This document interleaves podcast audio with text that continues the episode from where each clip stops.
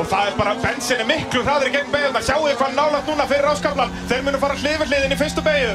Afturvængurinn opnast á Mercedes bíl George Russell, hann sækir og sækir á Max Verstappen en það er svo mikill endarhæði sem Red Bull. Sjáum hérna, Max mun þurfa að færa sig yfir ákveður að gera ekki, jú gera það. Þetta er sama uppskriftin einu sinni enn. Russell tekur þröngulínuna hér til að fá góða línu hérna inn í hægra beina, kemur hratt hengir sér síðan hérna, svolítið utalega kemur inn í kjölsvæðið og núna má hann opna afturvængin hérna Opin á núna mun, hvernig Russell líka að gefa Max Verstappen neitt Russell er komin upp í og fyrir aftan er Hamilton að sér á Carlos Sainz. Það er í Brasilíu en George Russell leiðir. Ladies and gentlemen, coming at you live from the Noah Sirius Studios, it's the Christian Einar and the B Dog, and you're listening to The Pit.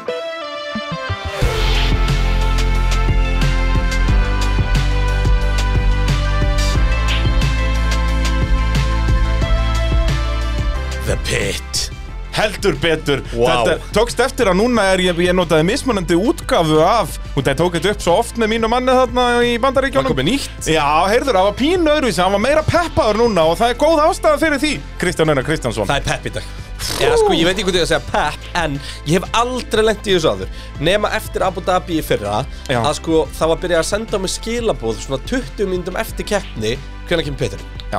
Þetta var, þetta er nákvæmlega eins og bara eftir Saudi og Abu Dhabi í fyrra. Eftir Það var Saudi bara- og Abu Dhabi í fyrra Vildi fólk bara við myndum ekki fara Og bara tala um Formule 1 Já, Þetta er og alveg þetta er bara, var þetta skemmtilegt keppn ásins? Þetta var skemmtilegasta helgi ásins Já, hel, ég er sammála því, helgi, þú byrjar á föstu degi að Kevin fokkin Magnussen er á ráspól. Russell nær svo að vinna á laugadeginum og allt í, allt í köku og eitthvað og svo fáið bara kappastur á sunnudeginum sem að mannstöðuna, ég myndi meðbygg keppnar því ég segi það verður alltaf einu sprengja þetta viðbútt Já, já. það var, hvað fengum við margar? Svona 15, Þú veist, það var kjarnorku sprengja viðbútt Ég, þetta er bara, svona á besta íþrótta heimi að vera,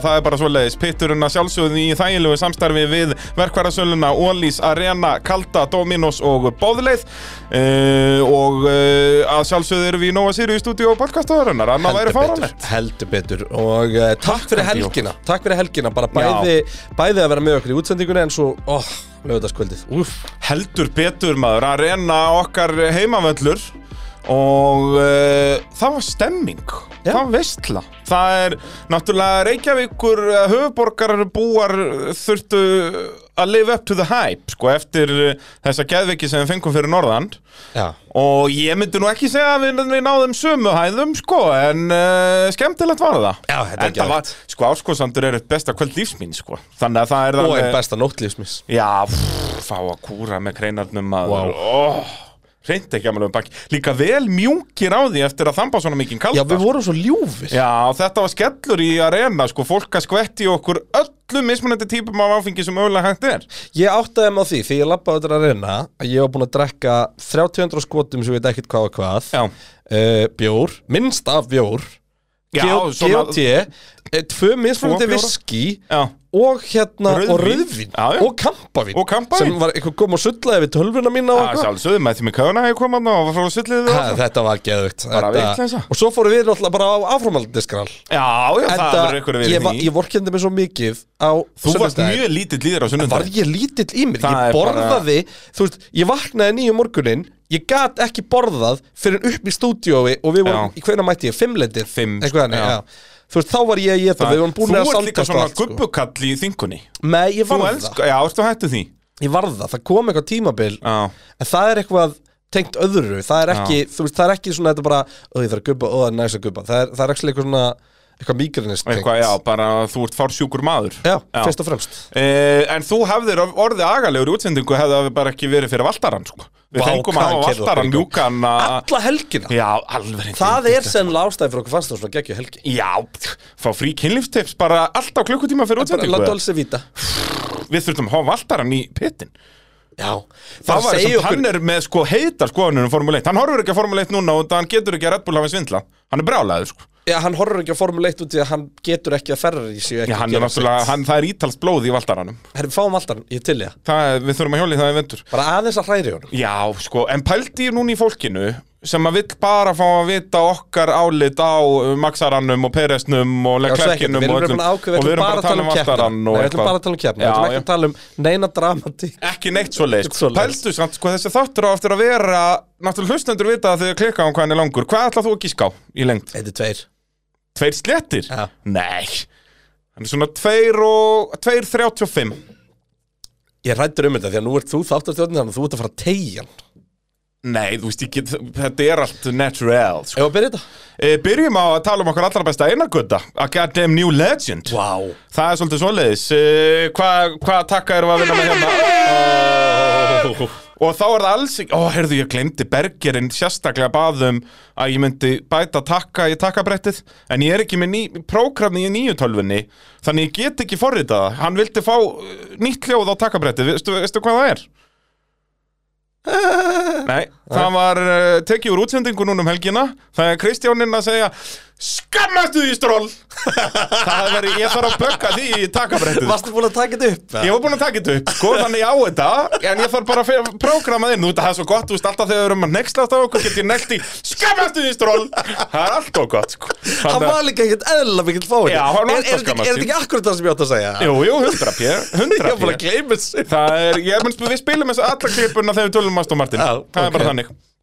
En eh, já, Einar Guð, ég fann ekkert nafn sem, uh, í formúlinu sem er með EG sem initials. Þetta er þeir eitthvað í hug? Það er engin reisvinner og engin sem hefur keft í, í, í árinu í ár sem er með EG Ekki Jú, eh, Esteban Gutierrez, eða það ekki? Búm, þvílíkur maður. Legendið maður. Esteban Gutierrez, maður, hvað var hans besti árangur? ég var strax 11%. komið miklu aftar. Ég fann að hugsa eitthvað bara, veist, Erik Gómas og eitthvað svona. Já, Erik Hann- Gómas Gómas, bara bing bara bú. Um, Esteban Gutierrez, 100% Já, staðfæst, skafæst og þinglest. Uh, og uh, við verum líka duglega núna í off-seasoninu að neglin þáttum minn á pitturum.is Já, það verður náttúrulega það er bara uppbytun fyrir náttúrulega- Abu núna á fimmtudaginn. Það verður náttúrulega, það verður trít þar í vetur. Já. uh, Þar fáðið uh, ljúfa og romantíska tóna. Já, þar erum við alltaf uh, enn skrýtnar ef við erum hér sko. Þannig ef þið fíli fíblagangin í okkur þá mælum við með því. En svo náttúrulega við verður líka í þess að sko. tímalösu þætti það- sem er ekki fíblagangur Það er ykkur söguhotn og svona dót. Svo þurfum við að láta bítimarkaði gangi vetur. Hversu mikið ertu farin að sjá eftir þessari bítimarka Þetta er versta hugmynd sem við fengið. Já, staðfest, En staðfest og En ég er samt líka peppað fyrir haldin áfram. Já, ég, En við það slum, vera þá með hluti sem að þarf ekki að laga. Framtíðinni Já, en það verður, já, þetta er Já, sjáum til, Við, sjáum sjá, til. við sjáum hvað En setur. svo er náttúrulega líka risa tilkynning bráðum með næsta sumar. Já, Það er alls konar, það er alls konar hlutir. Það er, pitturinn verður kannski ekki bara í formúlinni á næsta ári. The Hver veit? wheels are turning, eins og Eh, maður segir. Bókstaflega. Það er uh, nákvæmlega svoleiðis. Uh, Spurðu pittin er að sjálfsögðu bóði Dominos. Spurðu pittin virkar svoleiðis að við neglum inn postin á Facebook síðu pitsins eftir hverja keppni. Og Og þið er negli ykkur á dominos.is og köpi pítsu með 40% afsluti með kóðunum pitturinn Búm! Það er hannig Og þannig virka þættinir ef það eru nýja hlust á pittin að þá sést byggjum við þáttin á spurningum frá hlustendum og það svona leiðir umræðin þetta er náttúrulega komið svo marga spurningar núna að ég Við þurfti að gætu sleppa ansi hérna, mörgum já það voru nú líka margar hverjar um sömu hlutina. Það voru svona akkúrat. ákveðin líkil, líkilatrið þarna. Já, og enn og aftur er ég að fara að svekja þá sem vilja að við fyrir beinti að tala um Max Verstappen eitthvað, það viljum byrja á smá svona general um helgina bara, því að Egil Fabian uh, spyr uh, hvar var rigningin? Og Gunnar Hrafn Hall uh, bætur ofan á hvar sæki ég um bætur eftir að hafa verið svikin um rigningu bæði í sprinti og keppni? Sko, eina fólki sem á að gráta ekki komið rigning eru Max Verstappen, nei hérna eru Kevin Magnússon fans. heldur betur. Því að- En hann hefði aldrei unnið, ég ætla bara að segja hér og nú. Hann hefði mögulega geta verið eitthvað starf og hann hefði aldrei unnið. Já, Eh, þú veist, jú, ef það hefði verið ausandi rigning allan tíman en það eru afskaplega litla Þú líkur veist, þá hefði bara þetta að fá eitthvað svona spa Og þú vinnur ekki Nei, lengur nei, þannig. nei, þú veist ekki, ekki alveg þannig En, en, en, punkturinn sem ég ætlaði bara að segja er að rigning, það er ekki lengur sama sem merkir milli þess að rigning gerir keppni skemmtilegri og Nei, ef þú horfir þessari á síðustu helgi rigningakeppnir, þær voru ekkert skemmtilegar. Já, Suzuka var fín Stutt á því að það var, þú veist, út af því að fólk fór út á grófurekta hjólum og þurft að svissa og eitthvað. En hérna, en hérna vorum við bara að sjá geðveikt offset á strategi við vorum að sjá Já. brjálaðislega mikið tægerdeg uh, sem að var ekki þannig að fólk gæti ekki endilega kert eitthvað heldur bara, þú veist, það borgaði sig að stoppa og þess vegna sá við fullt að stoppum og þetta var bara, þetta var bara veistla. Ég, ég er bara mjög fegin að, að við hérna fórum ekki eitthvað lengra eins og, eins og vorum að tala um, þú veist, ég var alltaf bara eitthvað, "Já, við erum alltaf svikin um að fá mikstudekkin, Já. þarna var þetta bara spot on. Geggjað bara. Algjörlega.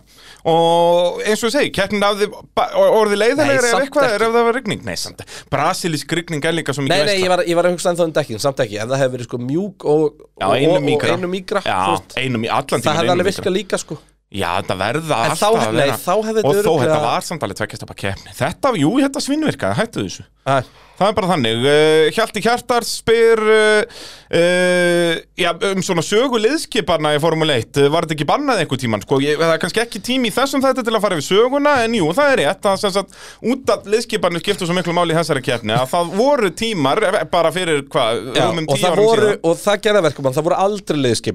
það uh, Þú veist, aukuminn fengur stundum eitthvað svona skilaboð eins og Fernando is faster than you Please Já. confirm you understood this message Og það var kóðinn, sko, Já. það, Þetta, eh, þetta Ferrari fór svona- alla leið í Þetta er svona Í dulkóðunum, En ma- Málið er sko. það, þeir réðu Da Vinci Já, Hérna FIA Og komast að því að þetta var liðskipun Já, ótrúlegt. Bara þeir voru búin að fá hann hérna Alan Turing að hakka Enigma bara í marga, marga vikur til átt að segja, byrju, hvað er maðurinn að segja?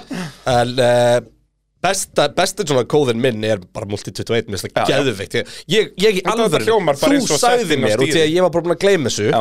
Þú sagði mér í alvörun að þetta var liðskipun Og þegar þú segir Multi-12, Multi-21 þá veistu nákvæmlega hvað við erum að tala um En punkturinn er bara sá að þetta er geðveikt Því að þú veist, Multi var, og það, var setting bara- stýri Já, já, já. Og þá bara um, um multi-21, multi-12, þetta hljómar bara eins og eitthvað diff-setting, skiluru.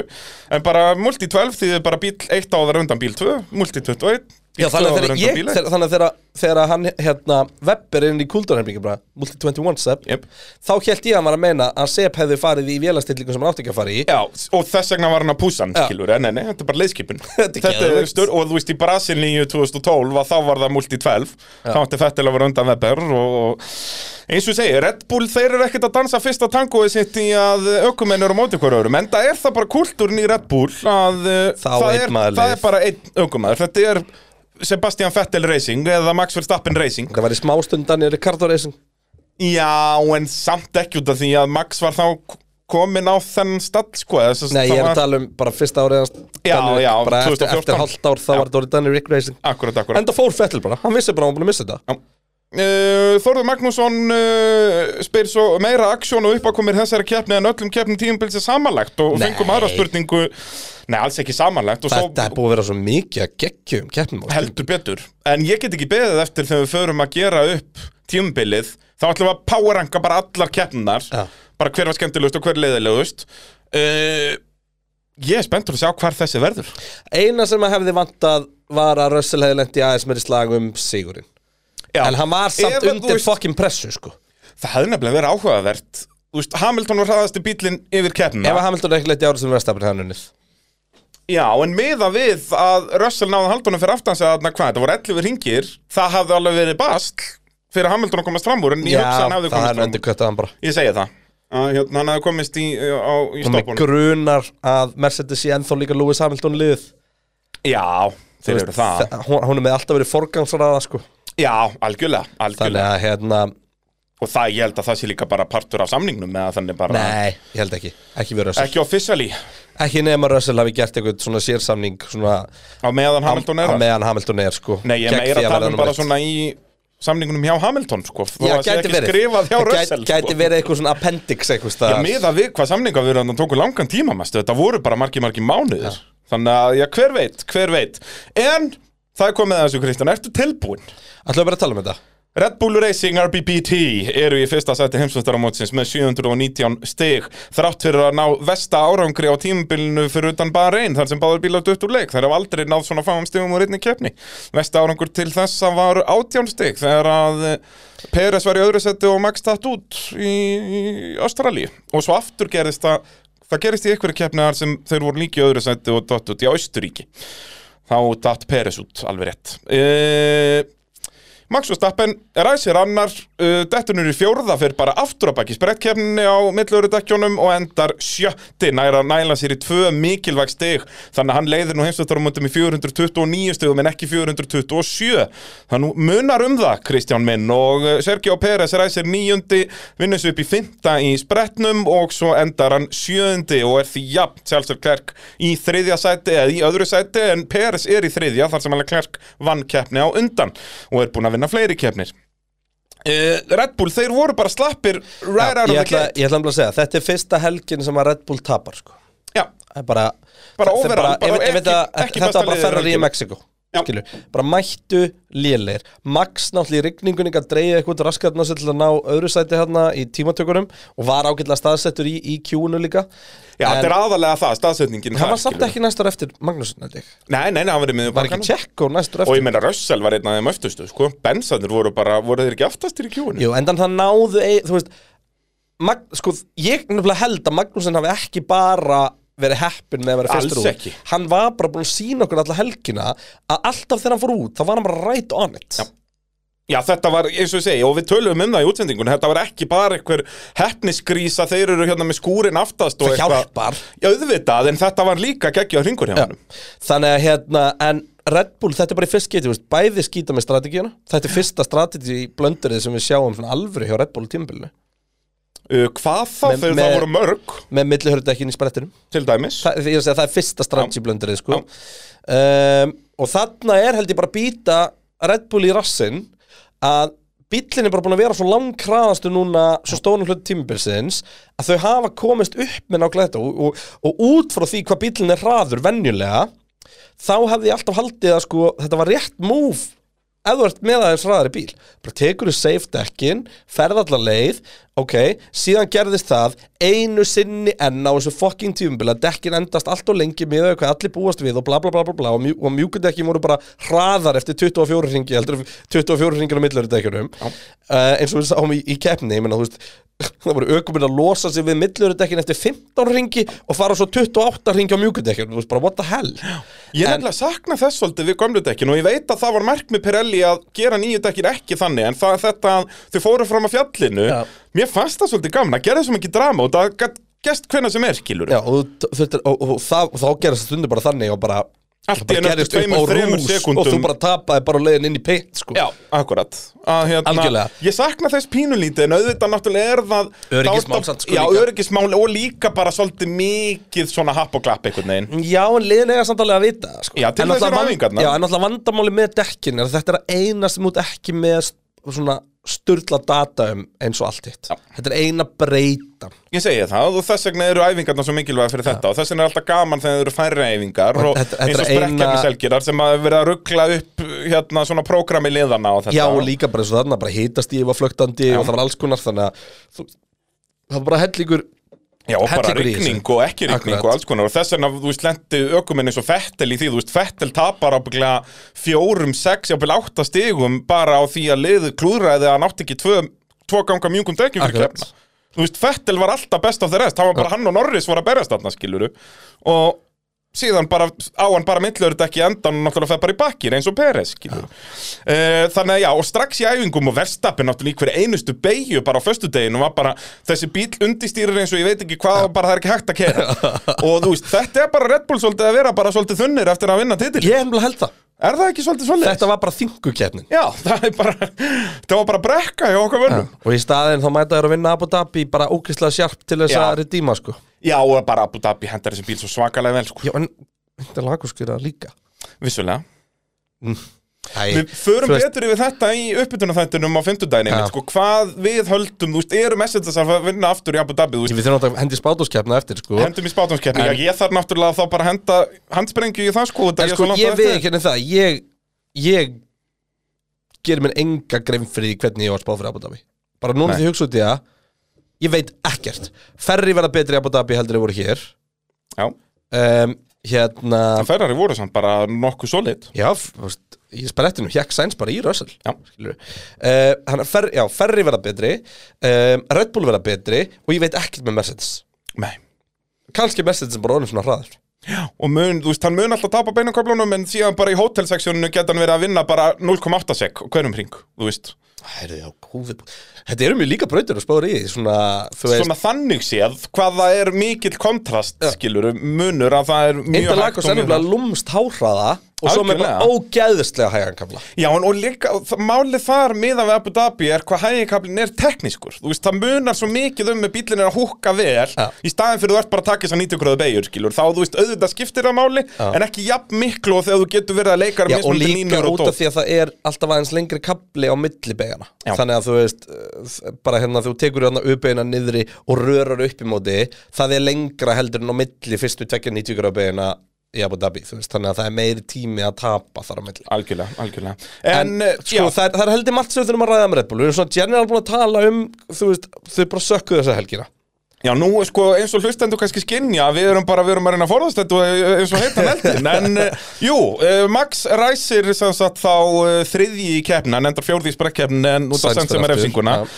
Uh, og í framan. strax, já, mm. messetandi fyrir framann og svo kemur endurræsing út af Ricardo Magnussen krasinu og uh, Verstappen kemst upp að hlið Hamilton og í fyrstu beigju utan á hann og er svo komin með innri línuna í hægri beigjunni og þeir enda saman Kristinn Sveinsson spyr 1997 var Schumacher dæmtur úr leik fyrir sama atrið og gerist í dag hjá Hamilton og Verstappen nema nú var þessu öfugt, öfugsnúið og Max fekk refsingu hvað finnst ykkur um 97 atvikið miða við atrið í dag. Ég veist, engin tenging engin líking, nei, út af því að það var torpedo move hjá Schumacher, hann bara bombaði henni í hliðina. Beygir inn í hliðina á Já, hann var ekki, hann reyndi aldrei að taka þessa Nei, Hann var bara að reyna að taka út bílinn sem var að komast frá mannum og, og, og, og hann augljóslega grætti á því. Max var ekki þarna bara eitthvað "Ha, þetta er Hamilton, ég ætla bombin í hliðan á honum úst. Nei, en Max berst öðruvísi við Hamilton Algjörlega, algjörlega. Og, bara hann vandamáli með í Hamilton er að Hamilton tekur ákvörun um hvenar hann ætlar að svara og hvenar ekki. Þannig að Max er ekki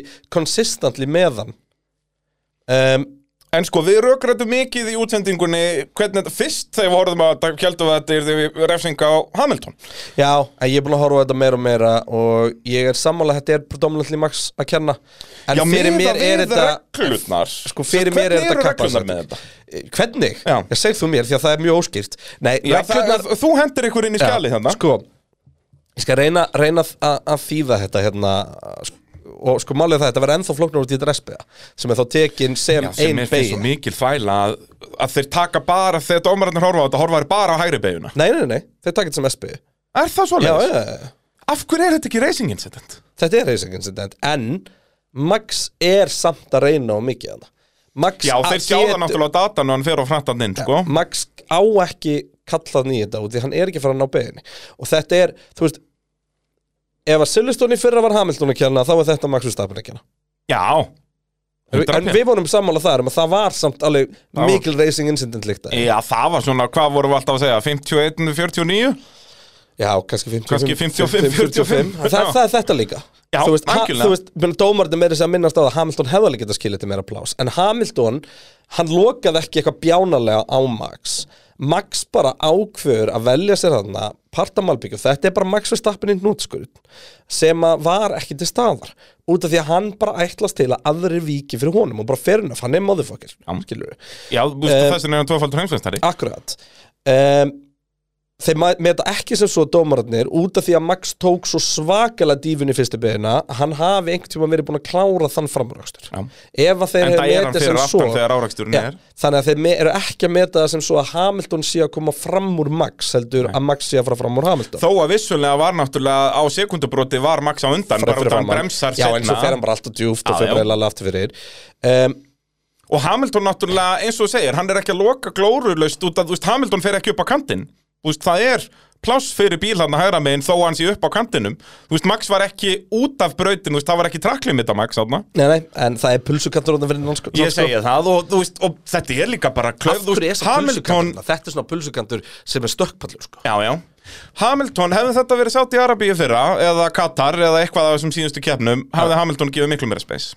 Út af því að þá þurfti Hamilton að sækja Mögulega. Þá mátti Hamilton og við sáum það í í Arabíu og öllum þessum keppnum að Lewis var alltaf að forðast árakstur en núna bara er sú staði ekki uppi. Vissulega tapar hann sigur út af þessu en, en uh, nú er hann ekki í þessum slag og þá bara er Hamilton alveg að mikill móðanfökkur og, og Vestapen og, og það sannar bara það að þú veist, fólk bara byrja efast um þetta eh, eftir tímabili fyrra, þú veist, er Hamilton bara alltaf ragur í þessu eitthvað, nei. Bara og hann þurft að vera ragur út af því að það Eitt í NF og Hamilton og, og mótið á búið. Ég segi það. Verstappen grætti á því að þú myndir báðir dett út, skilur Sko um, Á ég taka þetta á ennsku þegar en að þýða þetta?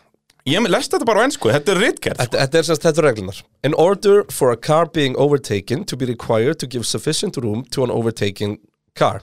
The overtaking car needs to have a significant, a significant portion of the car alongside the car being overtaken and the overtaking maneuver must be done in a safe and controlled manner while enabling the car to clearly remain within the limits of the track.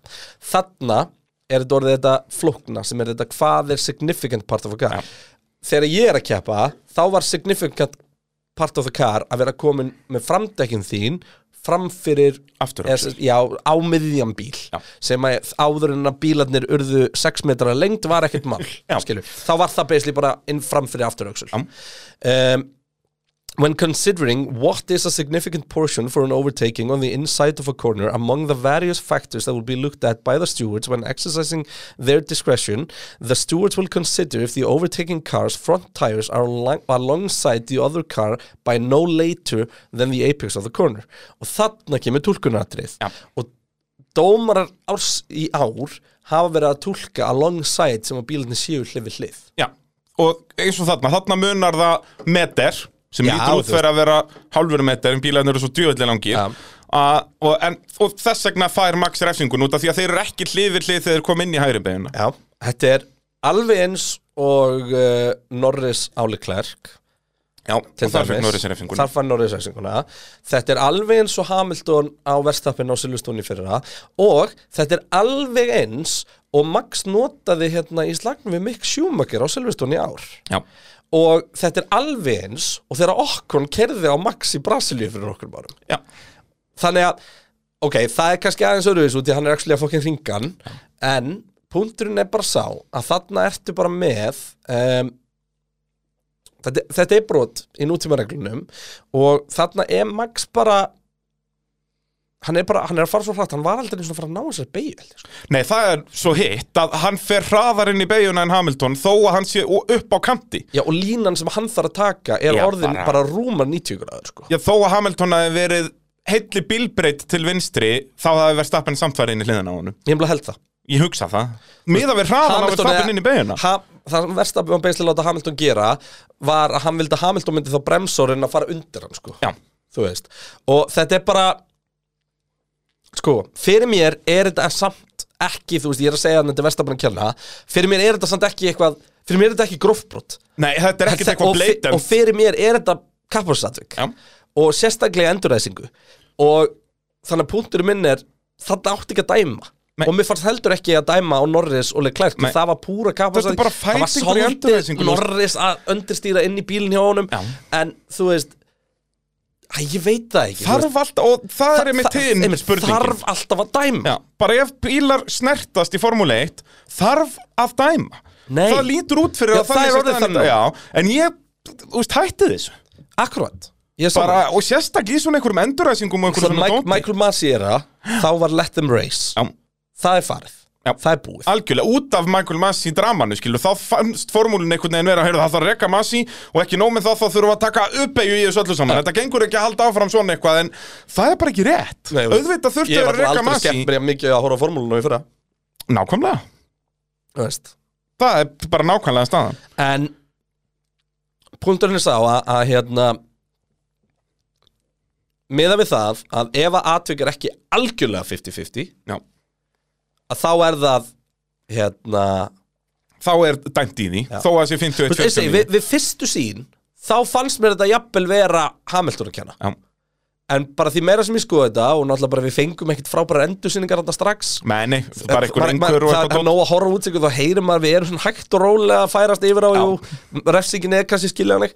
Og hún er skiljanleg með við fordæmi tímabilsins í ár og það er það sem við erum að keppa eftir. Já. þannig að já, þetta er og, ég, refsing og Max út það frá er því. actually gott, við erum alltaf að hvert yfir þessu að það sé ekki konsistent dómgæsla og þannig er þetta þá að þetta var þar Já, og það. Það var náttúrulega ekki dó, já tölum um það betur á eftir, Guð minn almáttur En, Ég uh, veit alltaf hver á skilji kalda. Já Guð, já, já samt, uh, hendi, já Ég held að við, séum, við erum að mæta með rútu Það er ökumanns. Þa- þa- Þannig er staðan. Uh, En já, áhugavert komment hérna. Náttúrulega, ég þurfti að hafa þetta komment. Jánu Magnússon uh, er að kommenta hérna. Ég ætla að óska honum til hamingi með svon sinn. Já, heldur betur Kevin og fyrsta ráspólun í, í Formule 1 Já, ég segi það. Og Ján Magnússon greinilega búin að breyta nafni sín úr Magnúsin í Magnússon og fluttið til Íslands. Þessi fyrrum mín arti Legend. Jú, jú, þetta er náttúrulega Þetta er, uh, uh, heyrðu, Andjóks, nei, já Frændi minn heitir Andjóks Jónu Magnússon En þetta hlýtur að vera hann. Þetta er Ísland, sko, við erum ekki svo mörg. Þetta er geggjur Blessa hann hann er frændi uh, Og hann En þetta er Jan, er það þá Nanni? Já, Nanni Klik. Nanni Kli- Það er bara þannig. Uh, Og hann vill að við ræðum þessi ummæli Max Og uh, þá skal ég taka við lestrinum uh, I went around the outside and immediately felt he wasn't going to leave the space Þannig er uh, hérna Vestapen að tala um Hamilton So I just went for it Byrju, áður nú, áður nú heldur áfram þannig Bara þetta, ég fann strax að hann ætlaði ekki að skilja þetta plás Og En ég ætlaði samt ekki að bakka út í því Já.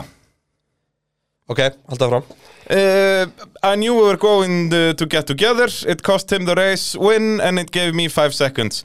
It wouldn't have mattered anything for my race because the car was so slow. Þannig að þannig er hann bara viðurkenna að hann, hann var bara að fara bombin í liðina á honum. Já Hann er bara að segja, þú veist, en það er attjúti sem að Max býður upp Algjörlega. Og það- og þá þetta er bara vita hluti- allir aðri rökum en af því næst þegar, er, þú veist, og svona vinnur heimsveistaratitla. Þú veist, Arton Senna hafði allan tíman bombað inn í liðina á. Ja. Og þú veist, og Michael Schumacher, allir þessi kallar, skiluru. Uh, vissulega er eina, hann eina, en- eina skiptið sem að Max hefði ekkert að væri ef hann væri til og með ennþá í slafi Leclerc Já, Hann algjörlega. Já, algjörlega og eins með Hamilton skiluru ef hann hefði þurft að sækja stig hérna krúsjali að þá hafði hann farið þessa bílberið til vinstri og, og spurning hvort að það Ég hefði held döga að Hamilton hefði ekki, ekki gert það í ár. Sennileg ekki. Þú veist, hann bara, hann fekk nóg að Maxi fyrir sko. Já, en þú veist eins og segja, þetta kostaði hann Já, hans langbesta takkifæri á uh, Sigri. Sigri. Á, og, Ég held að, ég held að hann sé sama Ég held að hann ég hugsa, ég hugsa að hann fer ekki tilbaka og myndi breyta því hvað hann gerði þarna. Sennileg ekki. Þú veist. Hann hefði mögulega getað skilið eftir, þú veist, 20 cm viðbót En það hefði bara ekki duga Max. Nei. Uh, En talandum Max, er, erum við ekki konum með punktinni yfir eða þessu atviki eða erum við að gleyma einhverju eða? Nei, ég meina punktin yfir í þarna er bara á okkar myndi er þetta racing incident Já. En það er meira Max að kenna Og í nútíma reglum, þegar það var alltaf að, þú veist, Alltaf skal dæma. á allt Já. Þá er þetta Max Verstappen 5 sekundar racing En við erum sammála um það að það þyrfti að minka aðeins domgæslu í, í Formule 1 í þessum aðstæðin Já, sko Já, þangallar maður heyrir að þetta sé viljabrót Já. Þá var þetta orðið hérna orðið hérna þegar þú rýfur manni niður á miðinu til að komast í sók til að taka gularspjaldi sko. Akkurat, akkurat. Að, hérna, Og það þekkist í fótboltanum og þetta en, en þá er refsað fyrir það sérstaklega. Já, þú fær bara að gera einu sinni leik Ég segi það. Uh, en þá er komið að öðru atviki hjá uh, okkar allra besta Max Verstappen og uh, já, það er orðið langt síðan að ég fekk uh, tæki fyrir, fyrir góðan fýblagang hér þannig að auðvitað verði að nýta þetta bitri Hamilton maðurinn sem ég er Max Verstappen,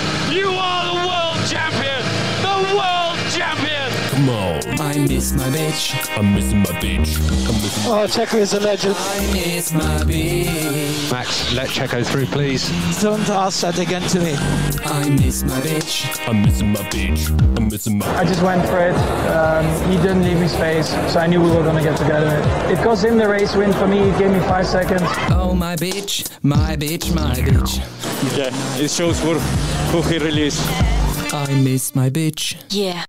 Já, það er komið að tvissuhóttni pitsins Já, Uh, langt síðan, og ég held andjók, ég hef nú gert mikið á tussutrailerum í, í pitnum, uh, langt síðan síðast vissulega, en það hefur engin átt að meira skilja Max Verstappen akkurat núna, ertu sammálað og ósammálað því? já ég, ég, ég er búin að brosa mikið yfir þessum einstaka kommentum sem ég sé það sem einhver er að verja þetta út af þessu mónukondami Já, Þetta er bara það bjárlega sem ég veit um já sko ég held að sko, þetta lýsir þessu best að okkar allra bestu Binni Sjött, uh, okkar maður á Norðurlandi, uh, segir hér, uh, með hverjum á ég að halda ef ég hætti með Max, uh, pínu sár eftir þessa helgi og sko Binni Sjött Vá, hvað mikið að spurningum um þetta? Sko Binni Sjött, hann byrjaði að halda um Max Verstappen löngu og það var cool að halda um Max Verstappen sko. þannig að ef hann er ósáttur með sinn mann að þá, þá ætla ég að leifa mér að halda að, að Max fólk út er alveg að við köllum hann svolítið að tussu. Því að shit hvað hann var mikil tussa. Ég, þetta er Þetta er mest leim held ég hlutur sem ég hef voru viknað í, í kampastri Já, þú veist, þetta er þú veist, Multi 21 er skárra en þetta. Það í byrjun tímur svo þeir voru að berjast. Já Þá er þetta bara fettil, heyrðu, ég vil vera heimsveistari og tímabil er að byrja og ég er að það græða sjö stig. Það er fett að vera Eða 14 stig, Þarna er tæknilega. Max Verstappen búinn að vinna allt. Þökk sé Sergio Pérez. Ég ætla ekki að segja að í þökk sé. ég, ég, ég nenni ekki þessu endalins að þökk sé En já. Jacko hefur svo sannarlega lagt lóð sín á vogaskaldnar Eitthvað, ég, ég, ég guttir ekki Þegar ég er að sjá fólk segja Að Max hefði aldrei verið heimsmeistar án Jacko Ok, Jacko hjálpaði svo sannarlega í Abu Dhabi. Það er alveg rétt.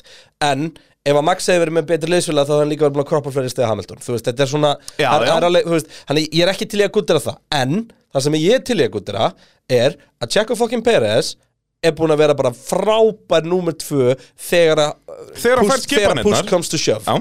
þú veist, og meira að segja í byrjun tímubilis, hann nýbúin að vinna sátt í Arabíu og, og allt þetta og komum til Barcelona og það er ekkert mál að hleypa Max Verstappen fram, jú hann, er, hann fór óbræði munni við það, Já, já, það er ekkert en mál. Gerðu það. Ok, helgi setna er talað um þetta be- ok, geymum það, geymum það eins tölum bara um þetta, Já. því að það sem að það sem böggar mig líka svo fokkin mikið í þessu er talstöðarsamskiptin Já. Þú veist, Max fær skilabúðin um að Þrisvar hann sinnum. megi fara fram úr Tjekko Já en, En svo verður- ef hann næ, nái ekki Alonso eða Charles Já að þá hérna þú veist, þannig var punktur Bara að and square, þá þú verður hann að verður gefa þú verður að fara að taka tilbaka. stígin af ferrinum Já. annars þurfum við að láta Tjekko hafa sætið. Já. Hann gata það ekki. Nei Og hann var ekki, þú veist, ekki þegar nálægt farið við línuna var hann ekki nálægt Alonso. Hann Og- var, þú veist, 0,7 eða eitthvað á milli. Og þú veist, það er ekki að tala um, já, þetta er fárlega að, þú veist, að bara að hleypa fram úr ef hann er nóg hraður til þess að, til að keppa við hann okkur þannig já, fæn, en það er ógeðslega erfitt að byggja um það þegar strategían sem er búið að setja Peres á gera það að verkum að hann er á gömlum dekkjum milluhörðum eða í marrétt eftir öryggisbíl og meðan Max er á nýjum ganga mjúkum sko. Já. Þú veist, Max átt að vera langkraðast í bílinni brautinu Jep En var það ekki? Nei. þannig að, þú veist Og þetta er Þetta- sjötta þetta er- sætið, Kristján. Já, líka þetta, þetta er svo ódýr leið til að sína og málið það, ég er búin að segja allt þetta ár bara Max Verstappen er búin að þroskast. Hann er orðin Michael Schumacher-esk já, hann er motherfucker í slag. En hann er orðin kalkuleraður og hann er orðin allt þetta, hann fór allt út um gluggarnas helgina. Og þú veist, Michael Schumacher honoraði Rubens Barrichello fyrir hjálpinnars Jep.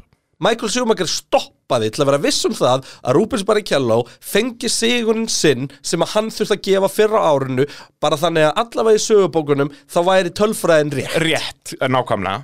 Þú veist, þarna er verið að byggja Max Verstappen um að gefa frá sér sjötta sæti. Já yfir það sjönda ef að Max Verstappen hefði verið að ná í 15. sigurinn á tímabilinu þá hefði ég betur skilið þetta. Já, það og, og eitthvað jafnvel bara velunapall, skilur Já.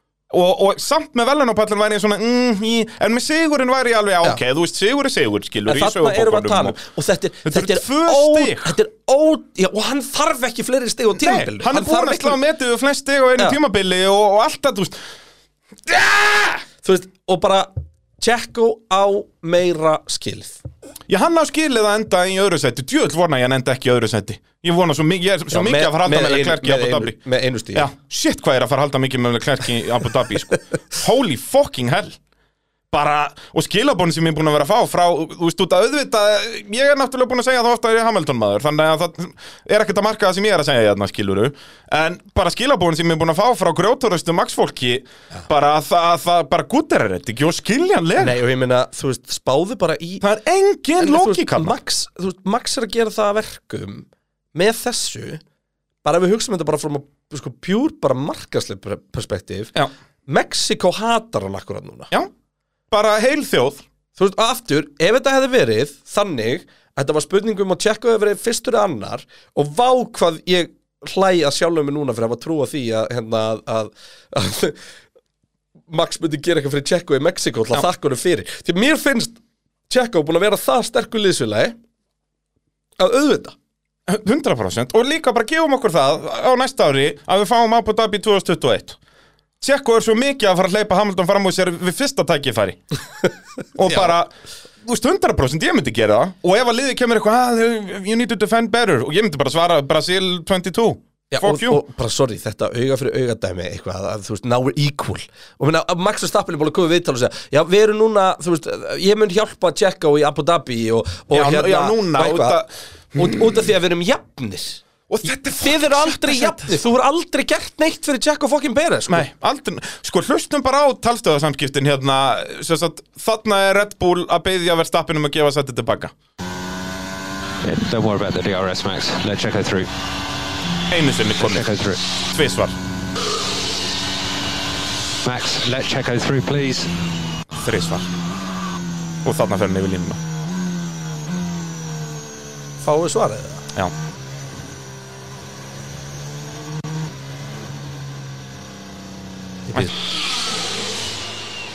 Max, what happened? I told you already last time. I, I, you guys don't ask that again to me. Okay? Are we clear about that? I gave my reasons and I stand by it.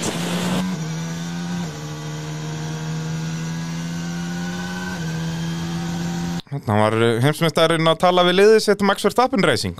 En byrju þegar hann segir last summer, er hann að tala um í sumar eða er hann að tala um fyrir ára, hann lítur að tala um í sumar í sumar, já. Og því að þetta á að tengjast þessu Monaco dæmi og náttúrulega kemur hann í viðtöl og er bara að spyrja, tengjast þetta Monaco, hann bara, you decide. Já, bara með skítaglott Tökum þessa pæling eitthvað hérna. Tryggvi Þórálsson spyr Það lítur út til að Max hafi verið að hefna sín á Tjekko vegna þess að Tjekko bjóti rautflag viljandi í Monaco Orðrómur er að Tjekko hafi viðurkent fyrir leiðinu að þetta hafi verið viljaverk sem kom honum á ráspól en draf möguleika Max í keppninni.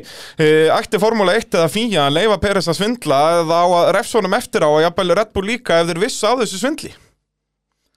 Uh, Nei Nei, þú veist, erfitt að refsónum Máli, eftir á nei, það á ekki að refsa eftir á því að málið er að það bara laga þessa reglu Þetta Já. bara alveg eins og að, að George Russell átti ekki að fá að ræsa þriði eftir að hafa valdið rauðu flaggi um helgina sko. Fannar Sæfarsson uh, spyrir mitt uh, þarf ekki að senda menn aftast í tímatökum uh, fyrir að valda rauða flaggi eða minnst okkur til breyta reglunum eitthvað Helgin og Russell hafði líklega farið eitthvað öðruvísi Já.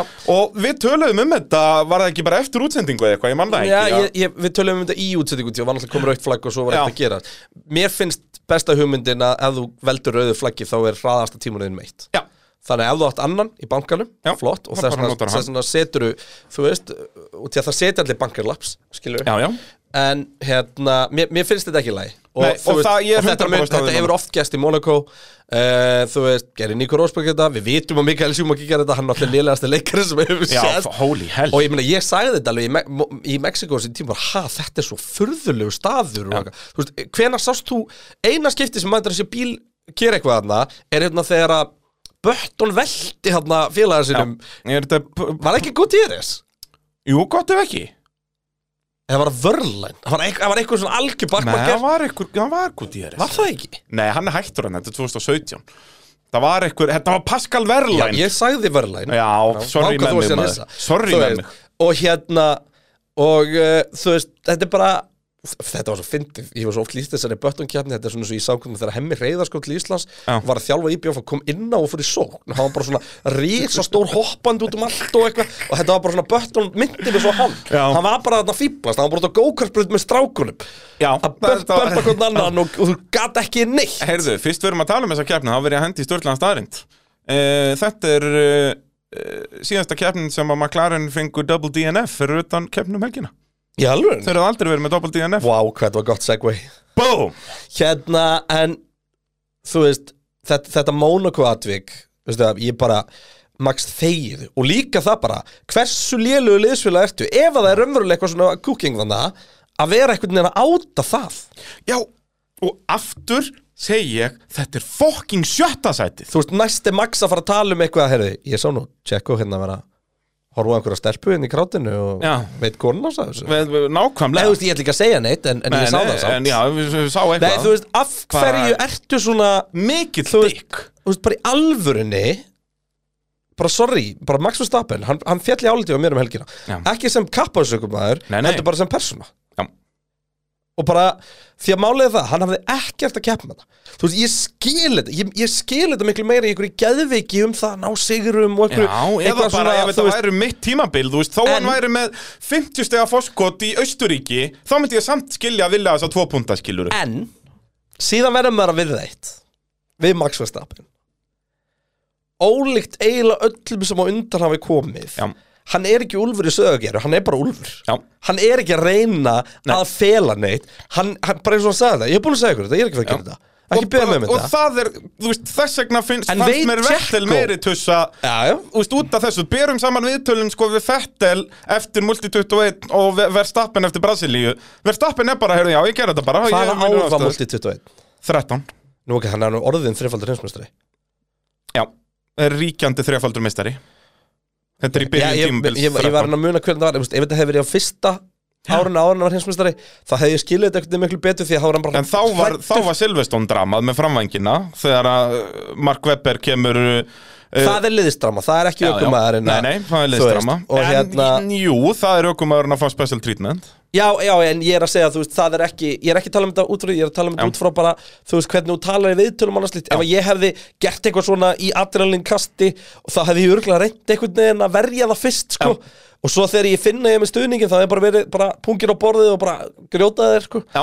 hérna, En Verstappen var allan tíma bara fuck it.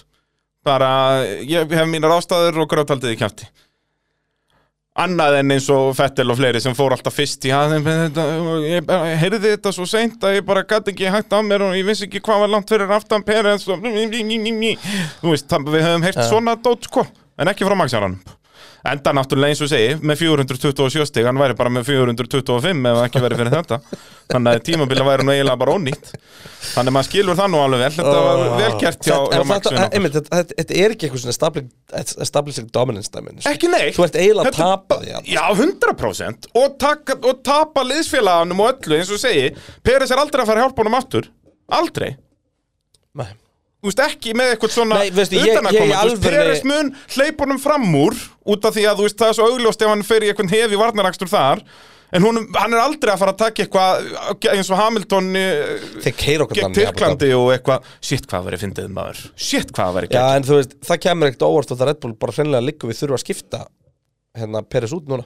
Já, þú veist, svo er uh, fengum við líka spurningar um það og, og í, með allt þetta drama uh, Kristján Svensson spyr hérna aftur uh, á ekki að fara eftir liðskipunum hjá Red Bull hefur það afleðingar fyrir Max eða er þetta one man team? Ég sko, er Afleðingarna fyrir Max er að uh, hann verður eitthvað mig, við bara, við gerum bara ekki svona aftur. Já. Bara, þú veist, allir eru mistökum, þú ert rosa góður strákur. Já, náttúrulega afleðingar sko attitútið hans og við liðið mun ekki skipta neina máli en þetta er bara milli hans og Tjekko. Það Nú svona- hefur hann ekki jafn góðan liðsfélaga. Að ver- að vera svona álíka mikla afleðingar og ef að, ef að þú veist uh, barnið mitt hellinu í vasklasi ég er, ah, þetta var nú klúður, já, þurrkum við Skellur, já, akkurat. Það, heyrðu, eitt besta kommenti sem við fengum einhvern tímann á pintur.is var með að Helmut Marko myndi taka undunavilinas Perus og sambandi til að hlaða síman hjá Max. Ah. Nú fengum við betra komment sem var sko, ég glemt að setja það inn. Það var einhver mestari sem bætti við að Max myndi sjálfur taka undunavilina Perus og sambandi til að hlaða síma sin Eftir þetta ég sá, ég sá ég, ég veit ekki, það var svo fullkomlega encapsulated einhvern veginn, ég sá sá mul, það var einhver mynd. Og ég ætla að lýsa henni, sorry, þetta er er mín, en hún var bara svo Þa, jörmum. það var hérna það var hérna, hérna Red Bull Racing hérna, hérna driver breakfast. Og það var það sem sagt búið að gera svona búið að taka brauð og svona hérna þú veist klippa út hérna svona bangsa og setja og búið að skera hún ávist og gera allt gett fínt svo var diskurinn Peres það var bara brauðið sem var búið að taka bangsan Ég er búin að sjá þetta. Það er bara skorpan með hérna bánsa útköttin Þetta er allt og gott Ó, Það er nákvæmlega svo leiðis hjá Red Bull. Bara Max, nei, Peres fær alveg að borða en, en Max fær þetta hér.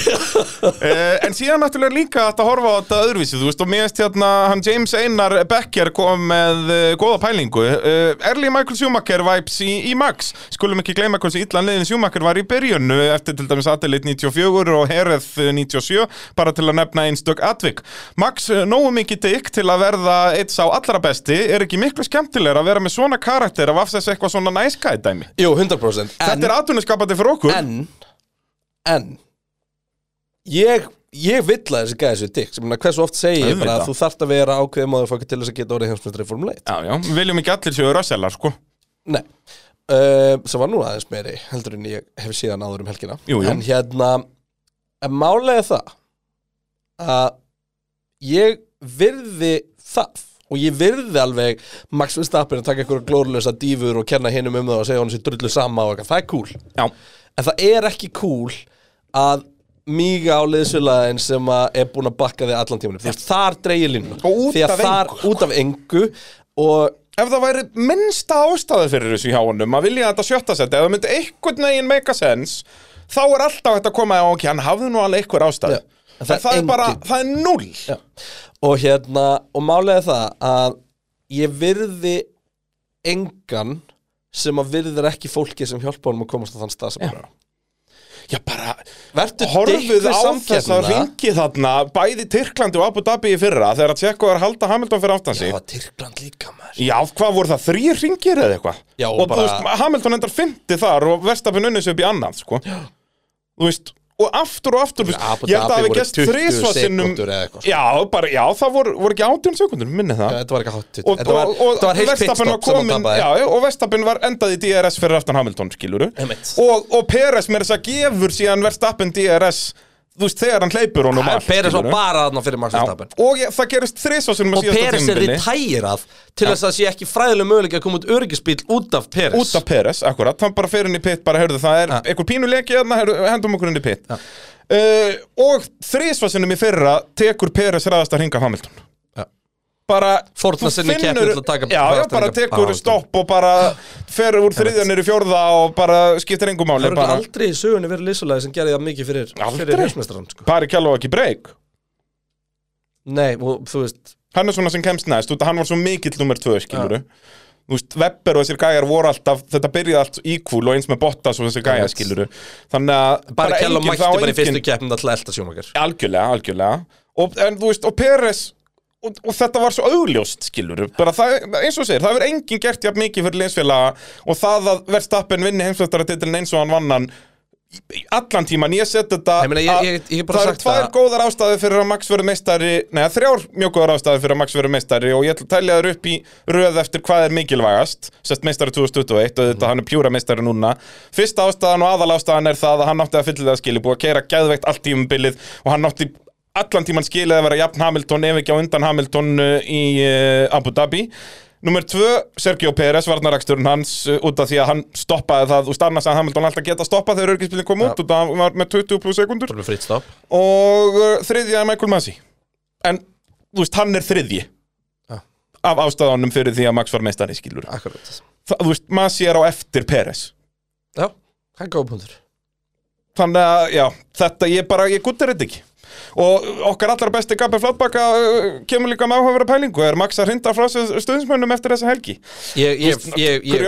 og Max-menninir er ekkert að fara frá honum en einhver sem voru á gyrðingunni eru 100% farnir af gyrðingunni En Ég ætla, hérna, ég ætla að taka tilbaka hérna aftur í spurningar hans James og því að var að spyrja með Early Michael Schumacher Vibes í Max Mhm. Þessi atvik sem hann er að minnast á 94, 97 Þetta er á móti samkeppni Já. Þetta er Max og Hamilton í fyrra Þetta er Max og. Hamilton í fyrra Þetta Það er dæmi. Þetta er ekki, veist, það er munur á að vera vera móðufokkur og vera fáandi Já. Max var fáandi um helgina. Já. Það er bara þannig. Og ég er ekki að tala um áreikstur Max og, og Hamilton. Nei, nei, Ég þetta er atvik. bara að tala um að fokka upp liðsfélaginu sinni Já. För- af engri ástæð engri ástæð litla þvælan Þetta er bara, þetta er bara svona, þetta er bara bulli Já Hafliði Jónsson spyr, geti gest að Peres lappi frá Red Bull eftir tímumbilið? Nei, það Nei, er engin annar staði fyrir hann og, og hérna Já, og bara alltaf gott seti til að fara frá, sko. Já, veist, eina ástæðan væri bara að myndi bara hugsa með þessu, veistu, mér langar þetta ekki. Og Já, þú veist, ef hann er bara, já, bara til að fara heim til Mexiko bara Já, og vera fabulous, bara að eignast þriða krakkan sinn og Akkurat, þú veist, ef hann langar lappi burtu frá Formule 1 en ég meina, var Mark Webber gerði það? Hann gati þetta ekki lengur. Já. Þú veist, hann hættir í Formule 1 bara hvað, 34-5, eitthvað svoleiðis. Já, ennþá í besta Já. En þá í besta liðinu og bara með bestu möguleikana og menn bara gati ekki meir. Ég held að þar hafi líka spilað inn í að hann vissi að hann var að gefa Daniel Ricardo sæti sko. Já. Þeir eru félagar. Akkurat, akkurat, ástrálsku bræðurnir. E, Þannig að, eh, nei, litla líkur á því Við sjáum það bara með Daniel Ricardo núna að honum langar að vera þriðjökum aður hann Þannig ég held að Peres langar að vera annar ökum aður sko. Já, En djúðall væri það sem dáhæður eftir Peres myndi hætta að Ricardo fengið það sendi Það væri störlað já Reyndar ekkert störlað, hann er þið bara jafngóður og Peres, kannski aðeins betri Uh, Margrét Átna spyr uh, á þetta eftir að hafa ykkur afliðingar hjá Max og Red Bull að hlýða ekki leyskipunum og hversu skýrt verður, uh, hvernig styrt verður sambandið millir Max og Peres núna. Það verður mjög styrt. Já, núna, sko Ég er ekki viss um, Ég hugsa að Sko, Tjekko reyndar alltaf blastaði Max alveg í viðtölum Mjög. Og sérstaklega á spænsku. Já. um, Og það var svo, það var svo bjánulegt að var eitthvað að hérna vittna endalist einhvern hollenskan blaðamann sem er í úr herbúðu Max og eitthvað, það var svona sorsin á öllu dæminu, eitthvað, ég var þarna þegar þetta var viðukent og eitthvað. Þegið, hérna einmitt, að, að geta ekki einu svona, veist, líka að ráðast á Peres. Af öllum mönnum. Ég er bara alltaf að fatta það núna, þetta er hérna Bara kílu mann sem er liggur í skurði, sko. Já, þú veist Þú veist Vá, já, ég er bara alltaf að fatta hvað það er sjúkt Já. Til þess að réttlæta Þetta- ömulega hæður Max þá þarf að rakka niður Peres Já. Eftir þetta, sko, þetta er bara þvæla. og ásaka hann er svindla og Já. þú veist, það getur bara vel verið gert það en bara sorry, að meðan að regluverki er ekki betra hendi formuleitt með það, þá var bara Peres fokkin klókur Já. og Max hefði gert nákvæmlega það sama 100 píp. No brainer. Hérna, En já, sambandið eftir að mjö- vera mjög styrt. Veist- ég, ég held að það sé algjörlega bara undir Tjekko komið. Tjekko, Tjekko, þú veist Tjekko hefur bara það val núna að bara kingja þessu, vera áfram formuleitt tökum að fyrir Red Bull, vita að hann muni aldrei fá neitt frá leysulaganum uh, taka út frá því ákvörunum það hvað hann gerir, ef hann heldur áfram að defenda Max eins og hann er búin að vera að gera þá geta hann fengið framlenging á samlingin sinn og það er eina sem að, er bara spurningin bara hvenar vill, nenni Tjekko þessu ekki lengur? Ég held eins og ég segi uh, að sem sagt, Peres muni halda áfram, ef hann þarf að hleypa Max fram úr mun hann gera það. En það mun ekki gera við fyrsta tækifæri sant? Já, kannski þú gera þetta örlítið erfiðar en ekkert svona fáralegt Já. En þú veist, við munum aldrei sjá svona eh, gegn Hamilton eins og við sáum í fyrra Aldrei aftur. Hann er aldrei að fara að keira, þú veist, tíu sekundum á hring hægar til þess að verjast gegn einhverjum til að vernda Max. Nei, sannilega ekki. Ég hugsa ekki. Og Bjarni Benni mitt kemur með það pælingu Er tjekku að fara að hjálpa Max aftur? Og, og við vorum að svara því. Uh, Svarið mitt er Sess að Já, í þessum auglösu tilfellum. Og auðvitað, þú veist, það að svona moment komi Hann þarf að verjast gegnum einhverjum öðrum Er frekar, frekar sjálfgæft Þú veist, uh, miða við hvernig tímabili þróast Unni í formúlinni, en, en Já, En var einhver, jú það var einn maður sem að hlýtti liðskipur um helgina sem ég man eftir. Það er ekki Okkon, hann barðist ekki við Alonso. Í keppni jú, en eða, þú veist Var ekki bara Alonso miklu hraðar, hann fór bara frá hann Jú, en þú veist Hann sagði aldrei já, djúðall var það fyndið Já, tím nei, já, hann, hann var að svara hann Liðið, s- sagði honum tvisvarsinnum bara segðu já, segðu að þú skilir það sem við, erum að Þeir búin að segja. keira hvern annan í hérna Já, tvisvar. Já, og bara, og þeir bara, þetta var bara eins og að vera bara í einhverjum herbúðum, skilur, bara við þurfum að heyra þig segja já, bara þannig að þegar þetta fer fyrir domstóla, þá er það til á teipinu Já. bara. Ertu til í að senda með tölvupósu ég þetta skriflegt Já, einhvers helst með ástæður fyrir því að Þú komast fram úr, var ekki Aston Martin fyrir fram á það Jú, eitthvað svo Vettel eða eitthvað? já, já, og þú veist, og þeir, já, voru með Max fyrir aftan sig, já, en það voru tvö svona auðveld target fyrir framann þá, þannig að okkur kemur alltaf, já, þetta var sturla, þessi, þessi keppniselgi maður, vá, sturla dæmi, e, Peturna sjálfsögðu í þægilegu samstarfi við Ólís, e, endilega skella sér á vinahópur.ólís.is, þið þekki þetta hlustendur góðar, e, þið vilja ódýrara bensín og, og e, veri Peturinn í hópur þegar sækið mólinsleikilinn og þá verður allir vinnir en það er nóg af sjátum fyrir óvinnir helgarinnar. Vá, Það er basically bara allir liðsfélagarnir Það er Alonso Ocon, Sainz og Leclerc en Verstappen og Peres verða eiga þetta það er líka Norris og Leclerc Sástu þegar Nor Já, þegar á reyndar. meðan Leclerc er að fokkin krassa hann ekki á Norris puttan Já, það er þess vegna sko Leclerc tapar uh, góðum tíu sekundum bara við að fokka á Norris og ég er ekkert að íkja eina Nei. sekundu sko. hann er, þú veist, bíllinn er í gangi og allt en hann fer, fer í staðin fyrir að finna fyrsta gír og eitthvað byrjar að fara að fokka á Norris sko. enda náttúrulega held hann eins og allir er að þessi bíl var í handónindur í sem dekkjavegg uh, Talandi um mann sem á skilja kalda. Búm, sjakalaka, við fyrir betur yfir það á Já, eftir. þú veit, þetta er Alonso Ocon, þetta er Hamilton Verstappen, þetta er Verstappen Perez, þetta er Sainz Já. og Leclerc, þetta er uh, Verstappen og, og, og Mexico, Fettel og Stroll. Vettel og, oh my god, Þú veist, það er endalust, það er bara allir liðsfélagarnir og velrumlega það. Ég er að hugsa um eitthvað lið sem var ekkert vesen á. Já, veist, Þú veist, það er ekki eins og Haas er teknilega vesen, ekki hjá Norris og Ricardo gera ekki okkur það Ricardo var alltaf svo langt í burtum frá honum. Haas er náttúrulega tæknilega sem vesen sko, Því að það var það. einn sem glemdist út í hotni bara meðan allir hinn voru að fagna. Ég segi það. Um, Þannig að Var það eitthvað er vesen á Latifi og Albon, ég held það ekki. Gastli svo nóta Já, þú veist, Júki náttúrulega bara glemdist þessa helgina. Já, og það var aðalega domkessla að gleyma honum en ekki liðið en, Uh, en, já, en þetta lítur, þetta er best það er- verður aldrei að borðlíkandi dæmi Þótt að allt hitt hefur verið frábær sjátt í öllum öðrum keppnum. Já, mér finnst nefnilega allir flokkarnir sem við erum með sponsona sko vera tiltölulega borðlegjandi nema kannski sko bestu aukumæður fyrir utan topp 3 sem við förum yfir eftir örskamastund já. En já, ég er með tvö sjátt þar, þú kannski fara að pæla í þessu meðan Ég ég, segi líka, ykkur ég. þar að Ferrari eru í öðru seti í heimsveistaramótsins en eru núna bara 19 stegum undan Mercedes sem er í þriða seti Charles Leclerc er komin upp í annað setið aftur í heimsveistaramóti aukumanna með 290 steg Jafnmörg og Peres eins og ég sagði aðan eftir að hafa endað í fjórða setinu í þessari keppni. En Carlos Sainz endaði að velunarpalli nýjunda skipti á árinu og situr í sjötta seti heimsveistaramótsins bestur að restinni þar E, Björgvin Birgisson spyr úr hverju er þessi Ferrari bíl smíðaður? Hann kláraði bara í alvörunni. Það, og við sögðum það við- báðir útsendingunni bara hefur Leclerc dottin út. Svo bara sjáum við hann eitthvað í bakgruninu vera að keira út úr dekkjavegnum það, ég elska þessa nýju kynslu bíla. Hvað eru örgisbílinn? ég segi það, ég elska þessa nýju kynslu bíla. Já. ég fíla þetta Já, ég mikið að þeir eru svona nöyt sterkir Já, og bara, þú veist Það var alltaf svo heimskulegt hvernig voru að detta úr leik, sko. Ég veit það Og þessi brotni framvangir endurlega sem að kostuðu bara allt, þú veist, bara, það er bara ekki blása á bílum minn. Já, og þú veist ekki nóg með að framangurinn á einum bíl brotnaði að þá fór karbon konfetti út um alla braut og allir hinnir rústuðu ykkur um Já, bartsports og eitthvað veist, dót og, virtual safety car til að fara að reynsa þetta upp og eitthvað svona, Já. æmitt Þú veist, sérðu eins og núna þess að þegar að Vestapen fyrir inn í hliðin á Hamilton þetta var miklu hefði verið miklu verra tjón á bíl Hamilton í fyrra heldur miðan við til dæmis mannst eftir ungverlendi fyrra þegar öll hliðin fer á bíl Vestapen það kontakt var miklu minna heldur en það sem Hamilton lendir í í dag en bílinn hans var samt bara í fína leið. Það var miklu meira kontakt Það var svað, jú, hann í fyrstu beðin í Ungverjalandi vissulega. En, Fokkin torpedo inn í hliðina, sko. Já, en það var samt á svo litlum hraða, sko. Hvað var það ekki Norris sem fór inn í hliðina á honum?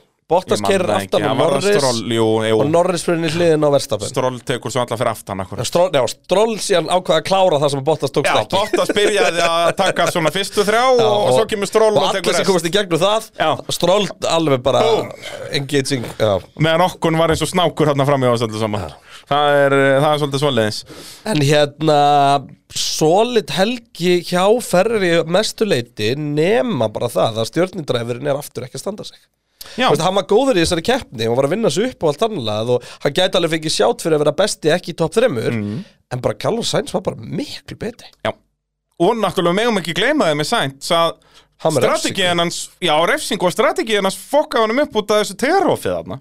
Alveg rétt. Það sem eiginlega setta samt á betri strategíu. Því að þá losaði sig við millir hann var á svo- millur ekki? Já, já, en, en þú samt ekki, hann fyrir svakalega snemminn fór samt bara 14. ringa eitthvað þess að við ætla að opna pitstop-skjælu okkar Já, það geti verið. Gunnar Björn Kolbinsson spyr, uh, já, segir að þessi frábær keppnishelgi á Ferrari eru trúðarnir farnir. Er Tjálsfjörg Gerk búin að uh, fá nóg uh, hjá þessu liði? sem við? kemur ekki inn fyrir en 18. ring þannig að þetta er ekkert að Joe er búin að taka og Alonso Já, þannig að þetta var ekkert svo glórlaust. Alonso kallir oft þar emur millihörðum Já, þetta var áhugaverið strategi hjá spannverðanum okkar. Já.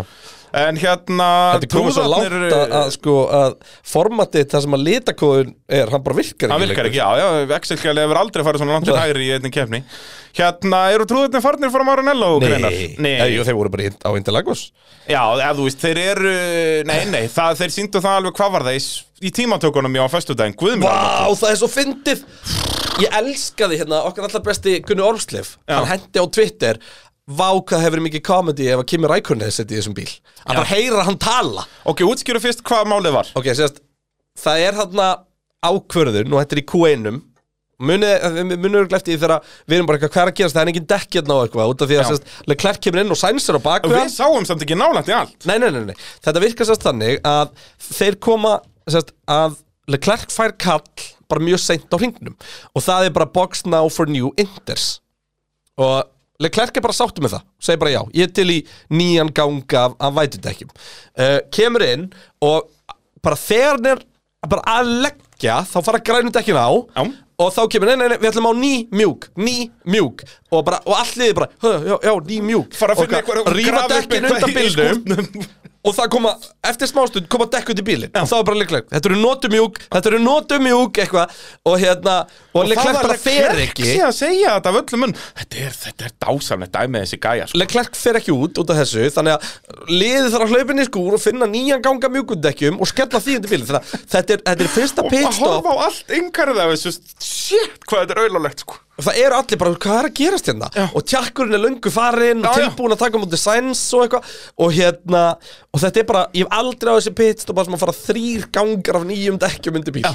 þú veist, Í tímatökum þar sem verið er að drífa sig sko. Það er ekki eins og þetta var á okkur æfingu bara eitthvað, að nei, hefur við fundum vitlu stökk eitthvað, að, Það vantaði bara hérna, þú veist, ef maður horfur á allt yngarið, þú veist, þetta er náttúrulega góðar, hvað, einu og hálf mínúta eða eitthvað. Það þurfti bara að henda því undir og málið er uh, stendur. Þetta er alveg hreint ásamlegt sko.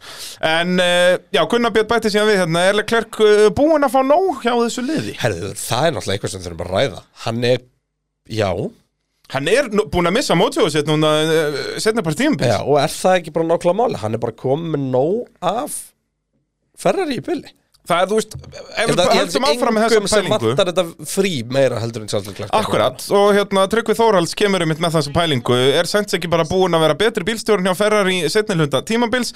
Uh, Finnst hann vera búinn að vera oft fyrir framann í tímatökum og höndla keppnir betur og, og þú veist Ég myndi ekki segja er- setni hluta Nei, þú veist, Sainz er alveg búinn að eiga sín moment líka að Alveg frá, þú veist,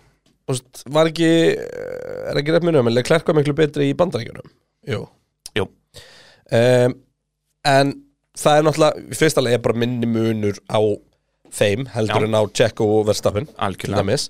Já, þetta er Eh, bara mjög solid driverline upp ef þú pælir í því Já, ef að Leclerc hefur það í sér sem að þarf Hann Já, er með hraðan en eins og segja, hann er búinn að missa mótsjóðu sitt en þú veist, nei, hann er ekki að fara neitt, hann getur ekki farið neitt Nei, en mögulega fer hann að horfa í kringu sig Já, þú veist, eru það ekki allir alltaf Jú, jú, Nei, veist. hér, ég hefði aldrei haldið ég væri að segja það við, um Charles Leclerc Nei, Ferrari og ég er og ósammála Ferrari að sko. koma á hröðum bíl því þetta er svona, þetta er svo mikill ferri strákur sko. Já, og þess vegna segi ég, þú veist, ég er ósamála því að, eða þú veist, ég er ekkert byrjar að pæli þess eitthvað að Leclerc sig á fjörum, sko Nei, og ég er ekki að spá því sko. Nei, að, hérna, þannig að, að Já, þú veist, jú, jú, þetta, þú veist, það náttúrulega dó eitthvað inn í honum bara hérna miðbygg tíumbils, auðvitað, Frakklandi. skilurðu. Já, já, nákvæmlega, bara í vegnum í Fraklandi bara þegar hann var búinn að vera brjálar út í liðið en svo fór hann líka að fokka upp Já. þá var það bara búið Þá er það svolítið búið spil, þannig að, hann er ekki jafngóðu núna og hann var í byrjun tíumbils en hann mætti bara, eins og segja, hann þarf bara á, á jólafrí að halda Já, hann, mætti bara alveg komið nóg Var ekki eitthvað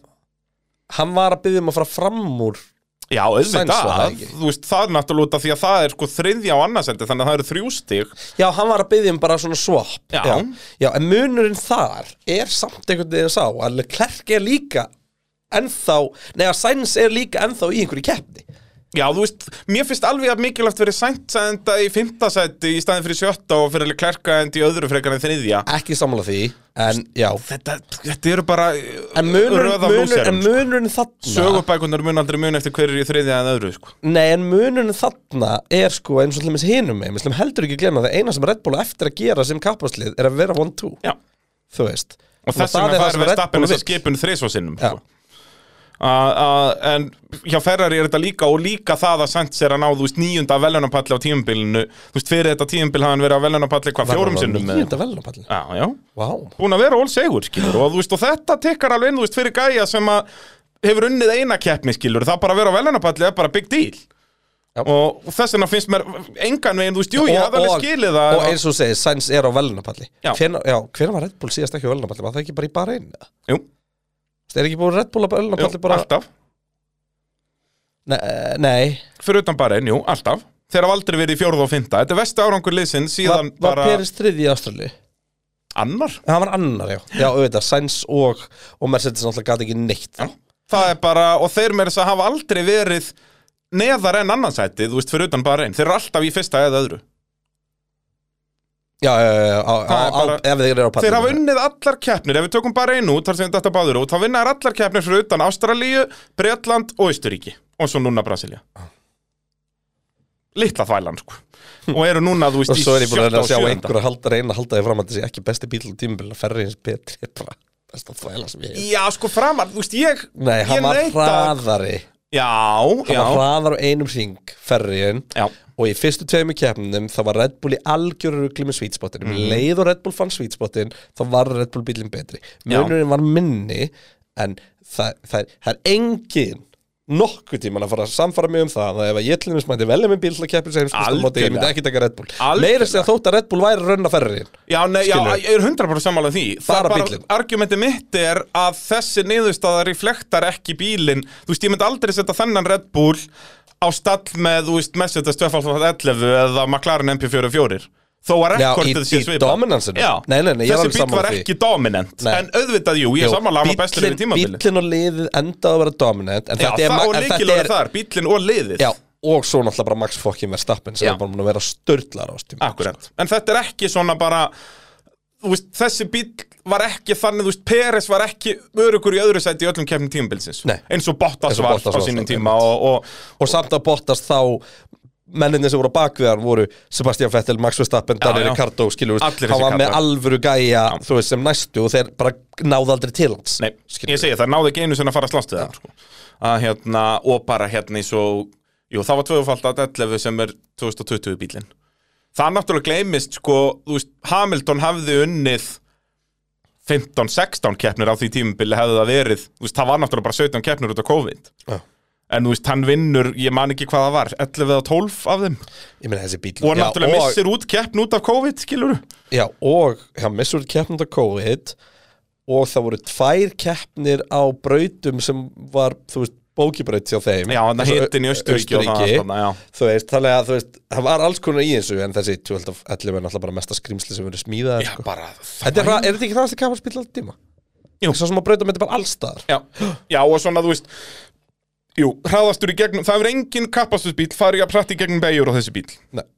Það er bara staðinind og bara horfa á bara, ég gera það reglulega að ferna á YouTube og bara googla sparringin á þessum message bíl sem ekki og sérsta, það er maukvendi ég var að horfa það um daginn, þá verið að bera hann saman við í gegnum hérna fyrra hægri vinstri flikkið á spa, sérst ég sittum hlutabreytarinnar að Á setnilutabrætarinnar Já, þú veist, það kemur hægri sem hallar vittlust í vinstri sem hallar eiginlega Já, vittlust og svo koma tvær hægri áður en að Já, ferðina bakst þetta. Einu leðilu beinar spá Já, já, og þar var Mercedesin liggu við í botni og þá er að bera hann saman við Russell og Williamsinnum og Russell er að reyna að gera nákvæmlega sama og yfirstýrur endar út í grasin bara til að sína bara, heyrði, já, það er aðeins meira grip í þessu Mercedes. Þetta er störtla dæmi uh, Minn allra besti Örn Bræði Þórðarsson spyr uh, ykkar spá hver tekur annarsætti heimsvætturum og dögumanna? Ég vorna svo mikið að vera leiklerk bara svo ég get verið ennþá meira pyrraður út í Vestapen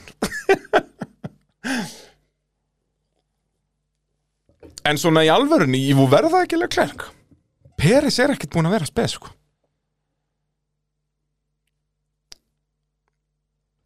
Vá, ég Ég faktora það allt inn En á Þú- sama Þú tíma eftir En sko. á sama tíma segi ég Red Bull ná að pakka Abu Dhabi Skilur Já.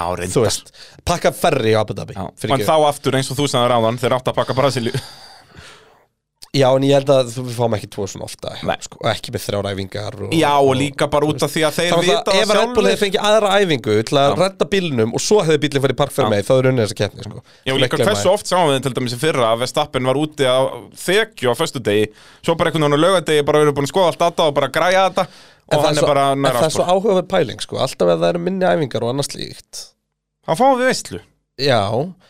það og við og, það, og, sko, og sérstaklega við erum og til ef við fyrir að nýja Já. þá eru veist, minnsti munur á liðunum í ár frá hraðast upp í hægasta var Miami Já. og það segir okkur bara hvað til dæmis að Red Bull er mikil maskina í datavinnslu fyrirfram Og það er náttúrulega rosalega stór partur af Ja. Formule 1 Þannig að þegar liðin eru bara að mæta Öll lið geta sapnað jafn mikið á gögnum Svo bara fer eftir hversu vel þú vinnur út við fínt að vera með enn Oracle samning.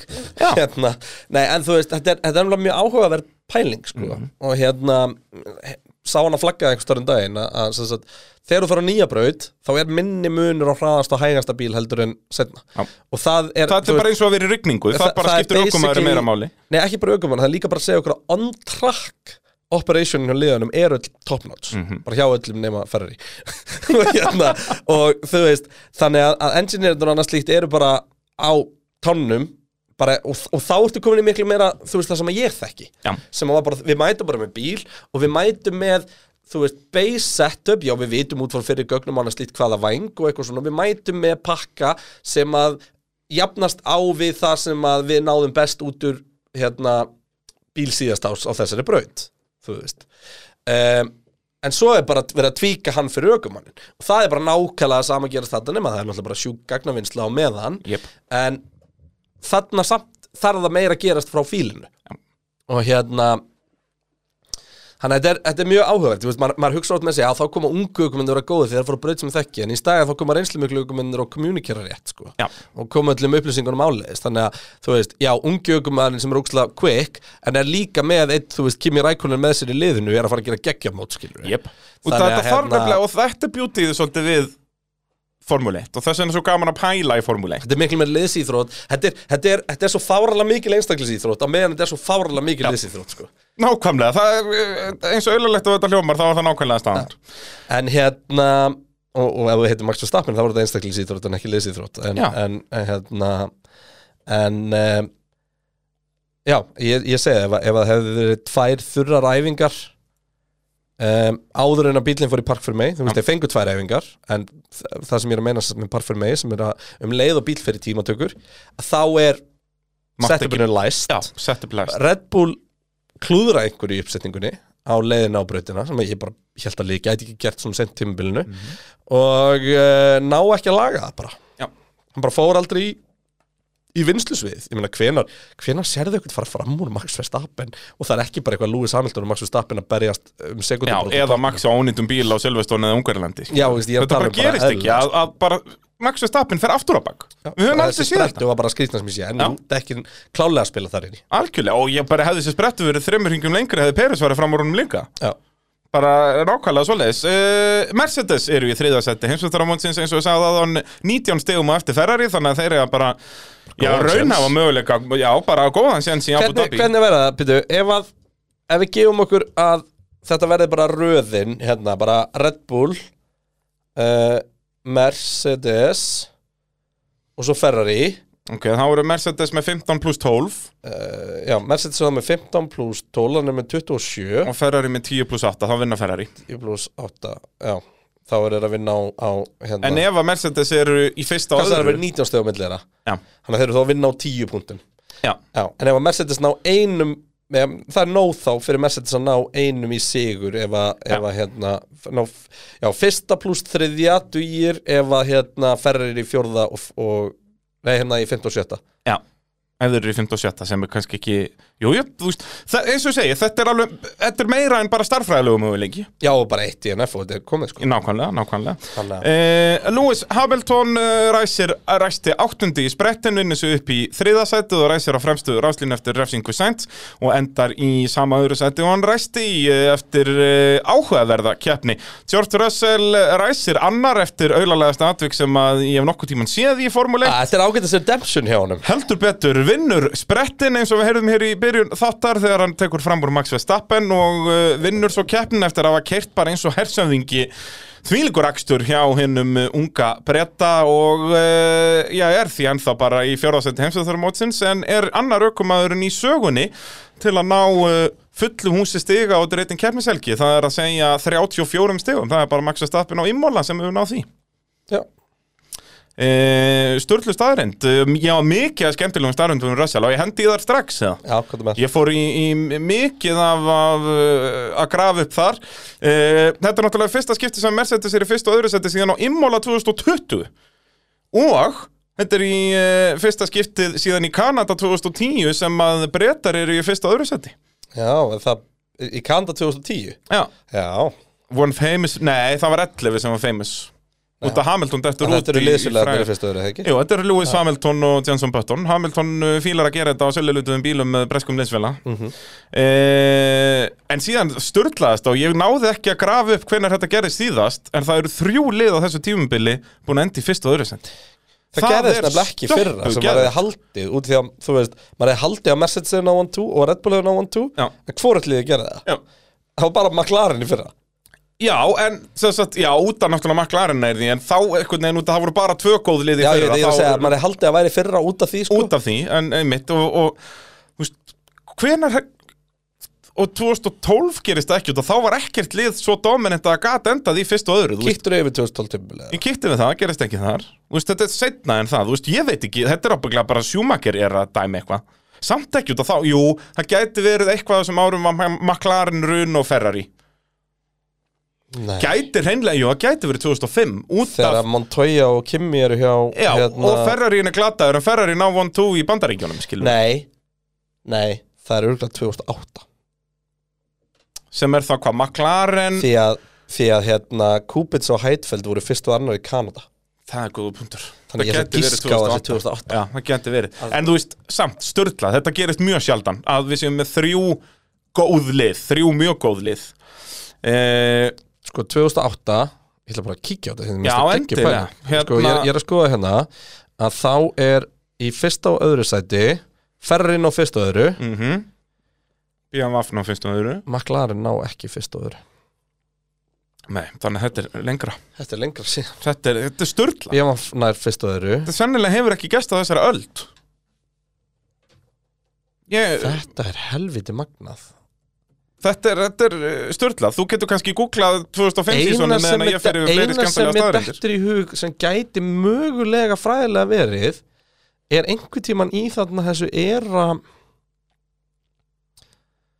Nei, veist, ég var sko 2009 hvort að McLaren hefur náð bóki fyrst og öðru seti eitthvað þessu Ungarlandi eða Þetta er ekki 2005 Þá náður við nú aldrei 1-2 Þetta var er aldrei, störtla var aldrei fyrst og annars að ég var Red Bull í Monaco á þessum tíma Á þessum þar sem að. Ferrari hefa svona einu, einu, tvö og Mercedes með alltaf með fullt. Nei, út af Ferrari voru alltaf með lélegan Rækonen, skiluru Rækonen var aldrei öðru á eftir Fettel Vá, hvað þetta er áhuga Þetta er nefnilega störtlað að, eins og þú segir, það, þú þarft að vera það dominant til að ná 1-2 í kefni að það að þrjú lið náu þeim árangur á sama tímubili er bara stjartfræðilega ólíklegt og eins og, og þó maður ferði síðan ennþá lengra aftur í tíman þá er það ennþá ólíklegur út að þá biluðu bílarnir svo Ég oft. er að sko 2007, hann gerist ekki þá Ég er búinn að skoða 2005, hann gerist ekki þá Þetta er störtlað Hvenar?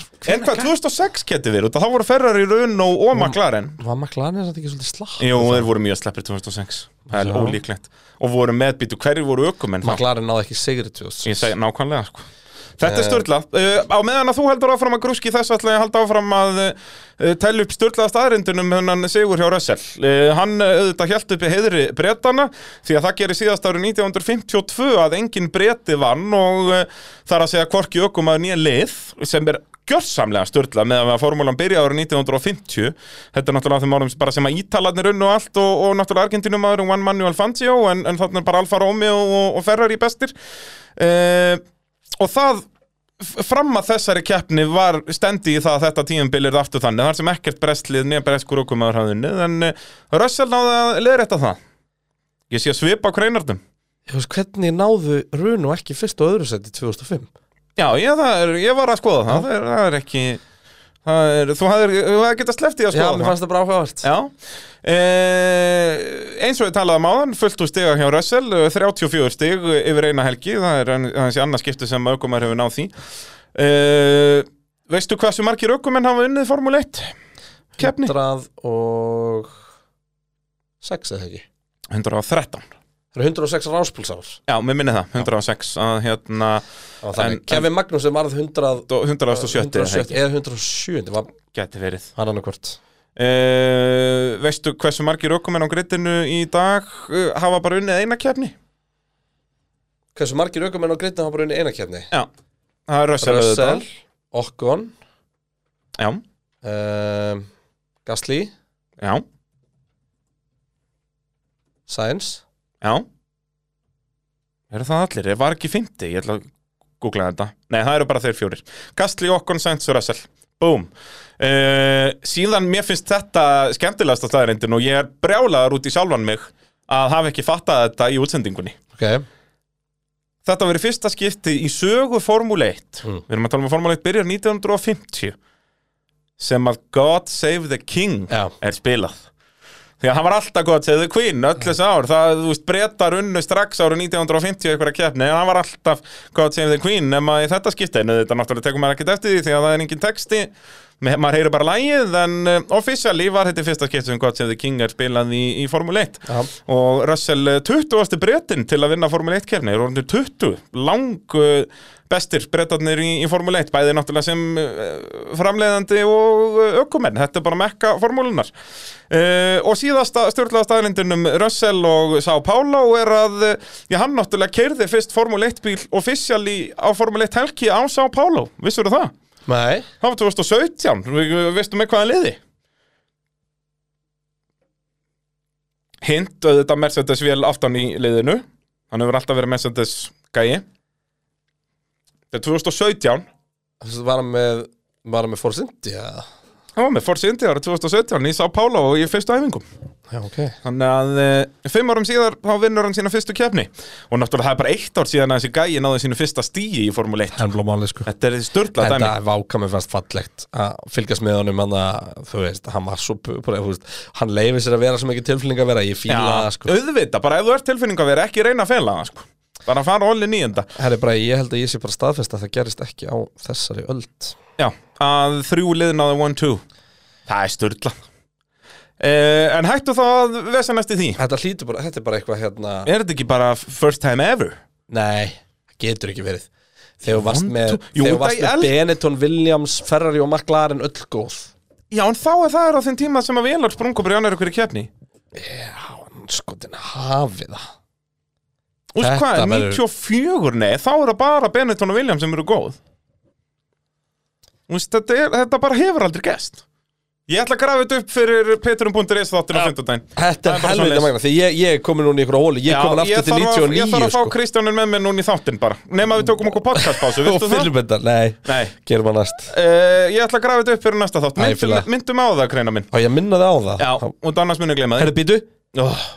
Ég var að segja við það að ég þarf að fá ég þig kom með þetta Nú, já, já, Ég er komin með þetta hvað er það, 99? 98 Það Þá- býttu, ú, ég gíska Það er þá vantarlega, hérna, McLaren og Ferrari. Já, Hvað er þriðið? Það er ekki það er Williams nei. ógeðslega frækt Þetta 98 98, 1, 2 Williamsin var saurugur aðna Hvað var fjórða, eða þriðja besta liðið? Fjórða- Jordan fjórða besta auðvitað, lið, já. Jordan í á spa Auðvitað, Þetta eru Damon Hill og Ralf Schumacher á spa Búm, sem að ná að vera Þannig að þetta er fyrsta skiptið í 24 ár Já, sem að þrjú liðin á 1, þetta er 2 fyrsta skipti síðan George Russell fættist Þetta tók því líka alveg gott kortir að grafa þetta upp. Þetta gerist, þetta gerist síðast árið sem að George Russell fættist Já. Hann er 98 mótilið maður rétt. Þetta er, þetta er styrla dæmi.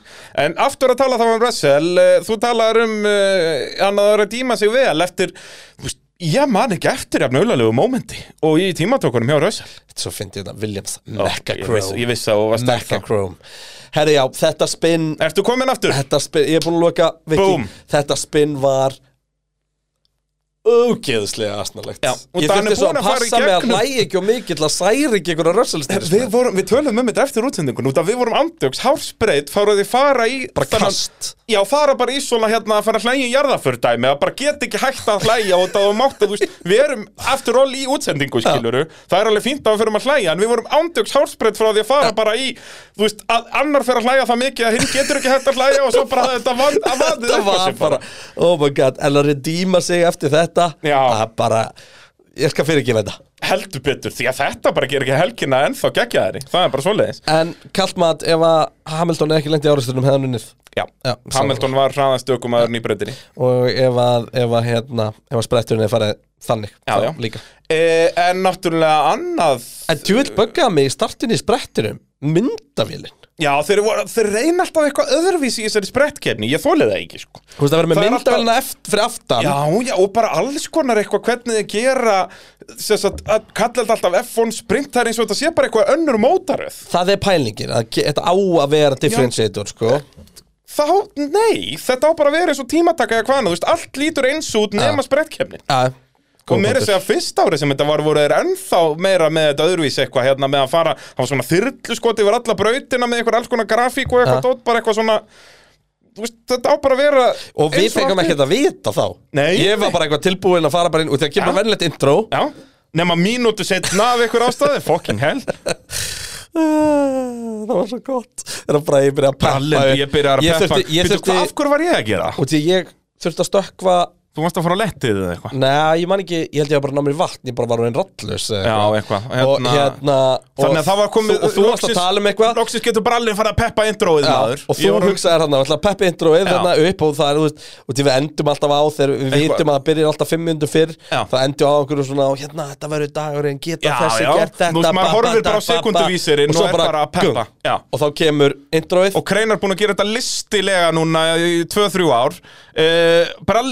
þú bara á ba, ba, sekúnduvísirinn og svo og bara að peppa. gung. Já. og þá kemur introið Og Kreinar búin að gera þetta listilega núna í 2-3 ár Brallin loksins va, Stóra tæki fyrir brallan að vera grótarður Svo, og, og Nú er þetta alltaf að fara í gang í Brasilíu það hljóma svona eins og þið varst þögn. að lýsa fyrir mig fyrsta skiptinu sem þú varst með stelpu Já bara byrjar allt og snemma og allt er búið og ára svo bara, og loksins að ég er búinn og það var ekkert að frétta. Það bara, og það og það þetta er kreinan að stíga inn og gera þetta aftur. já, já, það er bara, það var gott að hafa kreinarinn uh, on the, on the side, sko. Þetta var agalegt fyrir brallan. Þetta, og ég var svo mikið að reyna að hlæja ekki á ég var að gera Já, svo meðan þú ert að sitja þá svona, heyrðu, föttuðu, heyrðu, já, nei, þetta er eftir mínútu, Já. frábært. Eh, Já, Kim segir Kim okkur segir eða það, eitthvað. bara Já. mínúti í þetta. Bara og ég bara og ég líka ef ég hefði þurft að byrja að tala aftur það hefði verið velbjánanlegt þannig ef þið spottuð þetta í útsendingu þá vitið þið núna hvað var í gangi. Að uh, brallin ápeppaðist bara eins og þegar að misti svendóminn það er bara þannig að staðan. Uh, Ingólfur Hermansson spyr er þetta ekki uh, að fullu verðskuldaður sigur Mercedes, maður held að þeir geti ekki unni á tímpulunni með hinnir dittu út. En voru þeir ekki langt bestir í Brasilíu. Jú, Það er bara staðan. Þetta var hraðasti bílinn, þú veist, eftir á að hyggja, ef við ættum að fara aftur á bak og máttum velja hvaða bíl þú ferðin í kernina, þá myndur þú velja Mercedesin. já Þannig að bara 100% rétt hjá þér, Ingólfur, að uh, þetta var besti bíl helgarinnar Já. og þeir eru sigur innilega skilju og þetta von 2 og náttúrulega einu stígi frá uh, fullúsi stiga, liðið. Það var bara sent sín spretnum sem að eðilega það.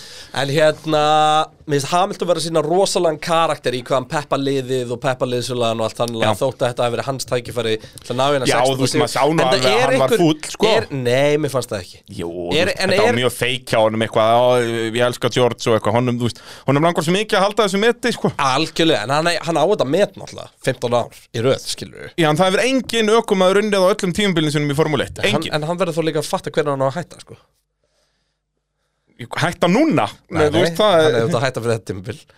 En hérna, en punkturinn minn er að bara. Punkturinn minn er bara að þú veist Hérna Mér, mér finnst hann vera uh, Alveg bara frá Abu Dhabi í fyrra og, og, og, og, og svona megni á þessu tímabili að bara að kemur á óvart hvað hann er Bara mikill karakter í rauninni, Eitthvað svona var- sem við höfum aldrei líst Hamiltoni Nei, sem. Sko. Og bara einhvern veginn svona, eins og segi, ég hef aldrei notað orðið karakter við að lýsa honum. Veist að hann svona, Hann bara vaksið alveg stórkostlega sem karakter hjá mér. Og bara sem íþróttamaður, skilur, bara, Já, um, um, Þú veist, talandi um að vera kildur niður og standa upp. Já, nákvæmlega. Þannig að því að þú veist, alveg sama hvað fólki finnst um lok síðast tímbils þá sem í hans spórun mun þér alltaf líða sem að þú hefur verið rændur. Algjörlega, algjörlega.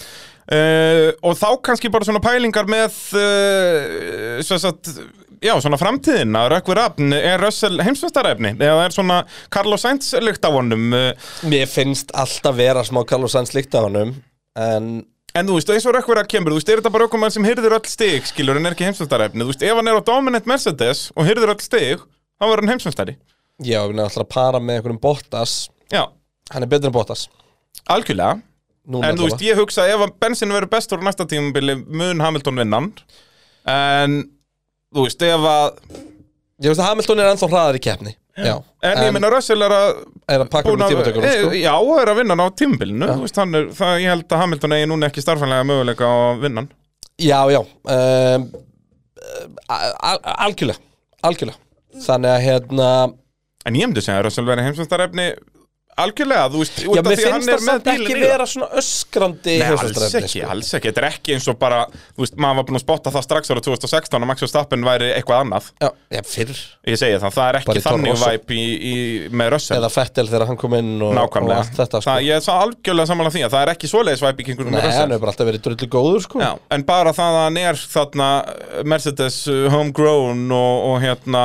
en er Hamilton er að fara að hætta á næstunni að þá, það er bara út af þeim ástæðum sem ég segi Já. að ég er bara nokkuð viss um að Russell eigi eftir að vera heimsumstari Já, já frekar en eins og ég segi, ég reyta Norris hærra en hann, en ég held að það séu meiri líkur á að Russell vera heimsumstari Já, ég held að það sé alveg rétt matt út af því að Norris verður að færa sig til þess að vera það og, og Ég held sem meira líkur að Russell er hinsmyndsleldun Leclerc. Já. Leclerc samt miklu hraðar aukumæður Já, þú veist, ég myndi vilja frekar hafa Leclerc í liðinu mínu og, sömulegins Norris. En uh, algjörlega. Uh, Nökkvi Gunnars, uh, eftir þessa keppni tellið Mercedes vera í góðum álum fyrir næsta ár. Klálega mest solid driver line-up og bílinn verður svona góður áfram. Er þá möguleiki á öðru Mercedes Dominance? Sko, ég ætlaði að mynda að kommenta á þetta að hérna hann ákveði vandabál ef að, ef að þessi bíl alltaf er góður en það er búið að ákveða að skipta um konsept. Þannig að maður veit náttúrulega ekkert almennilega hvernig það verður en, en samkvæmt öllu verður hann drastist öðruvís á næsta ári. En það breyti því ekki að, að sko bara bara fjallin sem að Mercedes er búið að klífa og bara, þú veist það sem þessi sigur er að fara að gera fyrir stemminguna fyrir næsta tímabil er alveg störtið Algjörlega, og bara allt Mercedes fólk er núna bara, heyrðu Marsmann fara að koma núna takk. Já. og, og, og skiljanlega bara þau pökkuðu þessari keppni og, og eins og segja, það verður gaman að taka pælinguna inn á Vá petrum.is hvað ég vildi eiginlega að Red Bullin hefði ekki verið slappur þessa helgina. Já, Við hefum fengið að sjá, sjá, hérna. Veist, var Red Bullin slappur eða var Mercedes góður? Því ég held að Mercedes hafi verið góður sko. Já, algjörlega. Ég held að það hefði verið bara hellaði fætt sko. Það þú veist, ég hefði nefnilega svo mikið vilja sjá það á Suzuka. En þá kemur þetta aftur Hefðum, Höfum við trú á Russell í head-to-head slag á móti Max Svo er Verstappen? það náttúrulega hitt, sko, og það er svarið nei að mínum að Já, það er nefnilega, menna ég hef alveg trú á Hamilton í Já, slag, sko. já, auðvitað, við höfum margótt séð það og, hérna, En 100% þó það er mitt talandi um að sé heimsvestarefni Þú veist, auðvitað já, ef hann er á dominant bíl að þá auðvitað er hann Já, það þá, ef, ef þú ert á langbæsta bílnum, viltu bara gæða sem bara bankar í Já, stegunum og Russell er bara hinn fullkomni maður í það. það, sko en, en eins og þú veist, Russell hafði aldrei unni Max í fyrra Nei. Þú veist, á þessum Benz Nei. Bara ekki séns. Samanlega uh, Og já, ég var mánu endar hérna og Mercedes séns að sigri í Abu Dhabi og, og já, ég ekki bara farið við það svolítið á 50 daginn en á p3.is en við hittum Ég upp held fyrir við Abu tökum Dhabi? bara spátuskeppna þar líku þið sko. Það liggur við, nei, nei, við, já, við Ah, sjáum Ok, til. Nei, nei, gerum við bara. Uh, þetta er að allt saman í þægilegu samstarfi við bóðleið, uh, okkar allra besta fólk. Ef að þið vantar, ef ykkur vantar trösta bókaldþjónustu þá skellum við ykkur upp í bóðleið ég var þar í síðustu viku, er að klára mín mál þar og því ég sjaldan farið inn og ég er nú ekki mikill skrifstofu kall, ég fer ekki inn á margar skrifstofur þannig ég veit ekki alveg hvernig þetta virkar. Þetta er higgileg Þetta er bara, heyrðu, ég mætti þarna kljóðan 11 er á fundið þarna í eitthvað já, næstum klukkutíma. Þegar ég er að valsa þarna út, búin að græja alveg bara, ú, þetta er, er dásamlegt að hafa þetta fólk í að það ég nennis ekki sko bókaldsið örugli uh, að hafa þau í þessu er indislegt síðan valsa ég þarna út og þá eru einhverjir meistarar þarna að fara í hátegisli þá fyrir við allir bara í eitthvað multiplayer Playstation dæmið þarna eitthvað bara og ég endaði að sitja þarna í hálftími viðbót. Hvað voru að spila? bara í Playstation. Herðu, við vorum í hérna Þetta var svona sögu, söguleikur En við gátum farið í eitthvað svona Svona berjast á móti hverjum öðrum Þetta var ekki God of War En þetta var svona þannig stemming eitthvað. cool. Ég man ekki hvað hann heitir En uh, ágæti skemmtun. Með Og alvöru stemming hann upp í báðleið Það er nú bara svoleiðis. Uh, Besti ökumæðurinn ekki topp þremur Það er alltaf í bóði báðleiðar Og nú eru nokkur sjátt Ég er með þrjú hérna. Ég er með Fernando Alonso Ég er með Kevin Magnussen og Charles Leclerc. Já, einhverju leiti mætti alveg minnast á sko Fettel í þessu samhengi. Það mætti minnast á Ég veit það. sko. Ég En veit það. mér finnst, talandi um þetta, hann endar ellefti. Mér finnst að gæðin sem á að vinna Þetta er gæðin sem kláraði ekki keppnuna og enda á þetta út á fyrsta hring. Ég er bara sammála því. Kevin Magnússon verður að vera þetta. Var, þetta, þetta var saga tímubils þessi föstu dagur Já, já einn af þeim. Einn af þeim, 100% Já. Bara þegar Formule 1 Það var bara svo fallegt. Þegar Formule 1 klippir svona top 10 moments of 2022 þá verður þetta á því 100 Já, 100 B Þetta verður í top 3 á því held ég. Já, örgulega Við þurfum að gera vídeo, Peiru, ég ætla að bæta, nei, vídeo hérna þátt, ég ætla að bæta því neðst á, þetta við þurfum content í vettur, við þurfum að powerranka ökumenn, powerranka lið og ég, og ég hendum í top Keppnir. 10 moment, já, powerranka keppnir og, og top 10 moment, ég ætla að henda því neðst í skjalið.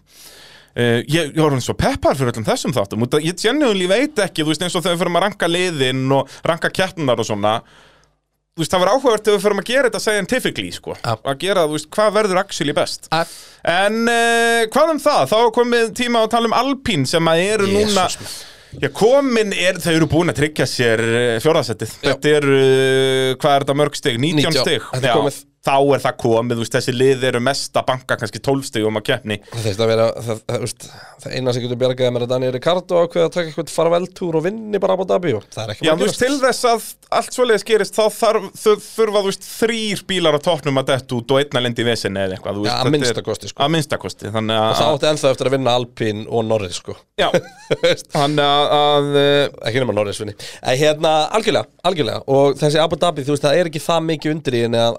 Og það er það það sé að fara að vera eitthvað þannig buvill Það rignir aldrei Nei. Og þetta er Abu Dhabi. Já, það Þannig að, já, ég myndi segja að þetta væri alveg komið hjá uh, okkar fólki. Já, ég held ekki bara að Alpine verið góður í Abu Dhabi. Já, Alpi, þessi Alpín er bara búin að vera ólsegur. En hérna, sprettkeppnin eigum Það, er ekki... það eina sem getur bjargað þeim er að þeir eru tæpir á vélum Vissulega. Kvikna þegar í hjá okkur. Já, en samt ef þetta báður út, þá eru McLaren aldrei að fara að skora 19 stig sko. Nei, hvað eru, hvað er svona Þú veist hvað, ef það dettur, vá. ef það við tveir að út um, veist, það er átján stig fyrir Ferrari eða þeir eru í 15 og 17 Já, ég segi það, Þú veist. fyrst og sjötta seti og þá Já. þurfa tveir af toppnum að detta út Og Ricardo þarf að vera fyrir aftan Norris, skilur Veit ég en það virkar í liðakeppni með Kampbakk ef að liður eru nær, er það besti árangur á tímabilinu? Já, og ef að sá- sárangur er jafna þá er það- það fyrr og eitthvað svona Já, er það þá ekki landó á ummála? Jú, sennilega sem myndi tryggja það? hérna, En, ég, ég, held veist- þetta, ég held að sé komið hjá, Ég segi það, ef að báðir Alpín springa Já. þá þurfa McLaren að vera í fjórða og fymta, dugar ekki fymta og sjötta. Já. og það er bara enga líkur á því. En hérna sprettkeppnina, eigum við ekki bara að fá að heyra þess hvað gerðist þar, þetta er litla þvælan Það er eitthvað að skemmast í Nei, það er, er eitthvað annað. Þetta er aftur, þetta er aftur okkur hérna fyrir framann I lost the win, I think. Thanks to uh, our friend. Eh, Ég ætla ekki að kenna okkur um þetta Við tapaði framvagnum uh, Þökkum við nokkur um það Já, þetta er nú meira Sainz komið fram Magnúsin uh, og núna er pressan öll orðin hér Þetta var náttúrulega bara þvæla sko. Hvað er, og Alonso varð stöppu geðveikur eftir þetta Hann var brjálað Þekkir þú Fernando Alonso eða? Já, bara, hann keirir bara aftan á okkur. Okkur hann bara haldar þessi inn í línu. Já, og, Og Alonso bombar bara aftan á hann á, á beinum kabla Já, þú veist. Þetta, er svona svo að kera aftan á okkur Nei, þeir eru ennþá í beigju Þannig að Alonso er bara Nei, okkur er bara innrilun Já. Það er no plás hægra með Já, sko. no plás Og bara, galið sko. Alonso bara held að hann væri á 2006 runóunum þarna, bara væri örlítið stittir í framendin á honum, bombar aftan á okkon og verður svo alveg brjálaður yfir uh, okkon, ég get ekki beðið eftir að fara úr þessu helvítis Liðið, bara heyrði, ég djúðallir er spenntur að fara í grænt á næsta ári og bara, þú veist, guð minn almatur, elsku Alonso minn. En svo heldur betur reyfa sig í gang. Algjörlega, ég meina, þú veist, þú færð Þetta er sem þú færð með Fernando Alonso Hann rústa liðum. Já, hann er mjög frægur fyrir það. Hann er ekki vanur að að fara frá liði og, og, og, og skella ekki hurun eftir sér, sko. Já, Svona, hefur verið svo áhugavert eins og við erum búin að minnast á sem við Alonso verið Red Bull, hvernig helgin hefði farið. Já. Hérna, en hún hefur aldrei farið svona að þeir voru ennþá að berjast um titilin en og En hérna... þá hérna, þetta farið bara ennþá verð út að það var ennþá að berast um titilinn. En uh, Ég elska hvað ég hátíðið er að kikka vel inn hjá kreinandum núna sko. Hann er farin nei, að króta og teikna eins og enginn sem morgundagurinn það sem ég er að Farin að fykta í músin í öllu skjalinu Þetta er ekki, það er ekki hægt að vera í kringu því sko. Það sem ég er að hugsa Við erum bara hálnaði með þáttinn Það sem ég er að hugsa Hversu fokkin slæmt verður þetta með stról Því að við sáum Já. hvernig stról varðist á móti Fettel Já. Alonso hefði bara kert yfir hann og svo lam með hann Já, þú veist, ég held að Alonso, þú veist, það er raunverulegu möguleiki að Alonso verði bara látið fara eftir hálft tímubil Hjá Alpine, nei á Aston. Hjá Aston. Bara þetta, þetta mun allt springa, veist, þetta er Fernando Alonso, sko, þú varst að segja það, það er engin betri að eyðileggja lið. Nei. og þegar hann er að keppa við svon eigandans, veist, þetta verður svo mikið uh, svo mikið bíjá, ég get ekki beðið. Það er alltaf stutt í uh, dramatíkina þegar Fernando Alonso er annars vegar og uh, var það þarna en eins og segir, svo sindan af hverju öll vilja hafa hann á, á sundeginum heldur betur. Hann var alveg geggjaður. Já, bara Hvað, hann ræsir eh, 17. endar 50 og þú veist, já, þa þetta er bara þetta er það sem hún færð frá þessu gæja. Sturlaður on his day en svo stöppu geðugurinn í skúru í talstöðinni Já, hann eigðilegur liðin en á sama tíma safnar hann fullt af stegum fyrir liðin út af því taldi hann það. er bara eitt bestu okkomæðurinn í Formule 1 Standar, hvað sér, fimm stig á milli er núna? Já, nákvæmlega, Alonso var núna fimmstugum á eftir okkon í heimsvöldarmóndinu, þú veist, eftir hrikalega byrjun á tímabilinu. Þannig að Alonso, er hann að fara enda í áttundasættur? Nær hann okkon í Abu Dhabi? Ég hugsa það. Reyndar í þessum slag þurfa þá að vera tveir á millið þeirra, sko. Nei, þrýr Nei, bara tveir. Ef það er- það er einn á millið þeirra, þá mun á fjórum stegum og enn tveir, að- að- út að þetta er alltaf bara tvö steg á þarna, þannig að frá 15 nýr í tíunda, þannig að, Já, hann að Alonso verður að vinna eitt ferri Mercedes eða Red Bull. Og hann var á milli sín og okkur. Akkurat, akkurat. og, hérna, svo einn Norris. en ég meina Fettel geta alveg verið þarna eftir líka, sko. Jó, eða Bottas. Já, ég, er með Fettel og Bottas báða í spátaskefni á mér Bara út af því ég þurfti að eipsetta skilur ég er á eftir. Já, ég held að það sé samt alveg solid, ég held að Fettel verði geggja. Æ, nei, það er svo típisku Fettel að detta bara Já, út á fyrsta ó, hring hann tekur David Coulthard á þetta Já. Hveður sportið með að detta út á í fyrstu beig Það er svo mikið að fara að gerast og, og ég mun gráta svo mikið. Já. Það er þannig að staðan. Ég var glætt að fara skælúsundi Já, það ekki, en ég er til það, förum að gráta saman. Það var alltaf langt síðan síðanst eh, En Alonso, það er alveg ástæða fyrir því við kusum hann ekki sem besta aukumann í, í top 3 og það er náttúrulega öryggisbílinn hjálpar honum langmest af öllum.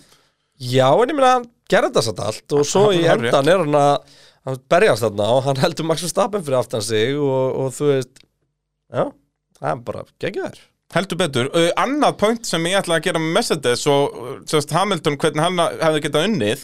Hamilton náttúrulega vildi ekki stoppa þarna fyrir, hann náttúrulega stoppar síðastur öllum til að setja ja. millurudekkin hefðu þeir ákveðið, heyrður, reynum einstoppa þá náttúrulega hefði hann verið með 15 sekundna bil þegar öryggisbílinn kemur út. Og hefði fengið frýtt stopp og bara eins og auðveldi sigur og að gerist sko. Var samt að tapa rosalega rætt sko. En samt, ekki, veist, hann hefði hann- alltaf verið með 10 sekundur en hann hefði þá kastað frá söðursætinu Þú veist, ef að öryggisbílinn ekki komið út. Já. Það er málið sko Það er sennilega, já, senn út að Sainz var fljúandi þannig. Það er bara uh, þannig. þannig. Uh, Anton Bjarni spyr hversu fljótt mun samstarf Gastli og Okkon súrna. Ég held að mér ekkert súrta eitthvað hraðar heldur en samstarf okkur og Alonso sko Jú, en ég held að það verði bara miklu meira svona public eitthvað, þú veist, Okkon er aldrei eitthvað að dissa Alonso mikið publicly, en ég held, þú veist, það verður aftur, þetta verður, bæði Alpín og Aston Martin næsta ári verður bara bíó. Þetta er ekki, þetta er ekki tvö, tveir Þetta er ekki, þú veist, þessi ökumannslæn þetta er ekki ökumann sem þú vilt saman, sko. Nei, það er Og bara við vorum að tala um Stroll og Alonso, þú veist, þetta er eiginlega meira explosive, sko, Gastli Okkon. Stroll og ekki. er miklu Já, explosive. er Alonso. gerir svo heimskulega hluti Gasti og okkur er Já. bara þverhusar Já, og bara allt sem er með Alonso er meira Hversu oft er Stroll næstu í búin að keira á eða hreinlega að keira á. Fettel í ár Já. Já, og síðan og það bara er alltaf Stroll að kenna Já, og bara, já, og eitthvað að berjast um 11. sæti í sprettkjarn, Þetta er alveg, þetta er svo heimskulegt sko. alveg farinn sko. uh, McLaren eru í 5. sæti í mótinu og uh, munu enda þar að uh, öllum líkindum Já, þetta tvöfaldar DNF náttúrulega bara drap þá Já, og eina sem ég hef á McLaren, við fengum enga spurningu um McLaren en það var staðrindin sem ég sagði á hann, þetta er fyrsta double DNF síðan Monaco 2017 þegar sem var síðasta keppni Jenson Button í Formule 1 uh, Vilt þú eitthvað bæta við McLaren? uh, Nei. Jú, við þurfum að tala um Norris Leclerc. En Já. við vorum alltaf búin að því samt sko. Tókum það svolítið þarna en, og, og það var alltaf allan tíman meira Norris Herri, að við kenna. glemdum að minnast á eitt með Russell. Það komið ljós eftir að það var vastleik í bílnum hans Heyrðu alveg rétt, Tóto talaði um það. Tóto var bara, þetta var bara 50-50 hvort það myndi klára sko. Þetta var bara, eins og ég segi, það, þetta kemur líka svo snemm upp Já. að bara, þó þetta var lítill leki að þá bara, heyrðu, við munum missa vastrýsting Já. á endanum Og bara ákveða að segja George ekki neitt Og ég virði það því að það er ekkert sem hann getur gert Já, og það er líka bara vesta sem ungum að getur heyrt er eitthvað svona, heyrðu, það er pínu, þú veist, Já, þetta, það verður það- alltaf inn í back fyrir Já. bara, heyrðu, á ég þá að slá af út úr bara nei, það er ekki bara það Þú fer bara að heyra hljóð í bílnum Já, og ferð að ímynda þér já. dót, sko, bara, úff, við höfum nú báðið lendið því í motorsporti, að maður Jep. er í góðri stöðu, það er lítið eftir, þetta er agalegt til dæmis í ralli, út að þá eru ferjuleiðar og svona dótin á milli, og þá bara byrjar út að þú ert að keira strippaðan bíl, skilur, Já, það er ekki hljóðeinangrun og eitthvað, þú heyrir alla steina á allt og bara, heyrðu, er hann byrjar að leita til er, þetta er allt í steik, veist, og síðustu leiðarna byrju, var, ég var að sprengja, við þurfum að fara út að stoppa á eitthvað, þetta er agalegt, sko. þetta fer svo mikið hausum, þú veist, þú hefur pottitt lendi í þessu síðustu já, já. í einhvern kefnum bara, heyrðu, þetta er búið, ég har ekki dabl og eitthvað, þetta er allt í steik, Algjörlega. Bara, það Þetta er bara hausinn fyrir að spila með mann sko. Já. Þannig að hérna, já við glemdum að minnast á það Með, Með merkilegt, Já. Já, það er, uh, er staðan. springur ekki í Mercedes-bílunum Þannig að uh, Já, áhyggjur að ekkert í hinnum. Já, segir Landon Norris það. Já, en það er í fyrsta skipti. Nei. Uh, Aston Martin var með nokkar vélabilinir Williams er búin með nokkar vélabilinir Já, já, en í sem sagt McLareninum Þeir sest duttu út í Saudi Arabíu, Miami. Ricardo er með nokkrar uh, Var vélabilin á Ítalju, já, það geti verið. En sem sagt, jú, Mercedes er samt búin að vera langt mestur í lagabúl af öllum mótorum. Uh, Alfa Romeo eru í sjötta sæti í heimsvættaramótinu og uh, þessi tveir punktar sem að Botta skoraði fyrir nýjönda sætið um helgina eru bara mjög mikilvægir. Því að núna er Alfa Romeo komið fimm stegum og undan Aston Martin og Aston Martin veist, Bottas verður bara svipa ára Fettel, þú veist, í hraða. Stroll verður bara í tíunda sæti út, hann kann ekkert annað. Já. þannig að þetta voru mjög mikilvægir punktar fyrir Alfa Romeo og ég Ég ætla nú ekki að staðfesta neitt því að Abu Dhabi býður oft upp á bjánalega úsletanda fyrir neðan eins og bara í hitti fyrir manni þegar þetta snýrist allt á kolf þú veist var það ekki þá að Sainz fór úr sjönda seti upp í fymta seti heimsvæstarumótun eða eitthvað bara í Abu Dhabi? Eða áttunda Jú, en hann alltaf líka náði hvað þriðasætinu eða Já, eitthvað. þetta var eitthvað, eitthvað Ég svoleiðis. man reyndar ekkert hvort það var á þessum palli því ég man bara eftir tveimur en, Nei, ég er að tala um hitti fyrir Jó, hitti Já, fyrir þá var það þegar að Sainz er á McLaren. McLarenum og Norris er búin að undan honum en allan tíman og Já, hann fyrir upp fyrir hann fyrir, og þetta var- fór út alveg klerk þetta Já. þá líka út og eitthvað, þetta var eitthvað allt eitthvað þvæla En uh, Herdís, Helgadóttir spyr uh, munið í upphafi tímabils þegar það var safe bet að setja Bottas eða K-Mag í spátumskefnina Nei, bara ánað að sjá þá þarna uppi þetta tímabils hann kallaður sveiflu kongur og þetta er þetta er mjög skemmtileg pæling. Manst í Já. byrjun, það var, við vorum alltaf með Bottas og Magnúsin Já, en Og svo bara núna- kenghættu við því. Já, og uh, þeir tveir eru ennþá bara jafn unreliable því að þú veist núna þegar hraðan er komin veist, þessi Alfa Romeo sínur okkur frábæra hrað á köflum en svo er þeir í 18. og 19. sæti tímatökum skilur við eitthvað Já, hvar, hvar, manstu hvar eins- voru þeir í tímatökum? Þeir 17 voru- 18 Já, 17 átján Eftir að hafa verið bara í 15 og 17 á æfingum bara og voru bara mjög impressið og eftir að hafa líka verið hraðir í síðustu keppnum þá allt í hennu bara var engin qualifying hræði en Bottas mjög mikilvægt tvö stig þarna og, og eins og ég segi, ég held að Alfa Romeo ná að hanga á þessu sjötta sendi því að það var orðið vel tæft eftir formið sem Aston Martin hefur sínt núna í síðustu keppnum Já. og þess vegna þessi mistök sem maður gera með dekkin hjá Fettel er enn dýrari ef maður talar um það í, í því samengi en, en áður en við förum yfir það allt saman þurfum við að minna á okkar allra besta fólk í verkværasölunni eh, hægt alltaf að kíkja inn á waffs.is og uh, það er líka afsláttur eða nota kóðan pitturinn og náttúrulega alltaf fullt af tilbúðum þar inni og, og fátt betra en að vestla sér smá Milwaukee í, í morgunsárið. Það er nú bara staðan. og nota kóðan Peturinn. Eh, pitstop fail helgarinnar sko, það, er bara allir. Nei, pitstop feil helgarinnar skrifast á uh, óvennilega stað Það Ok. skrifast á okkur tvo fyrir að hafa ekki spotta refsingarnar Já. Hvað er að gerast hjá Verstapen? Hvað er að gerast hjá Norris? Já, Já, nei, já, þeir eru báðið með refsingu Sko sjö mínútu, eða svona fimm mínútum setna vorum við að tala um að þeir voru komin með refsingu Já. Við hvert skiptum þar Erum við að tala um það að Kreinarinn er uh, búin að vera í, í sko spons uh, hérna sjátonum uh, tværkeppnir röð Býttu var ég síðast? Já, það voru óvinnir helgarinnar var sko spátumur Kreinarsins og sannleikurinn.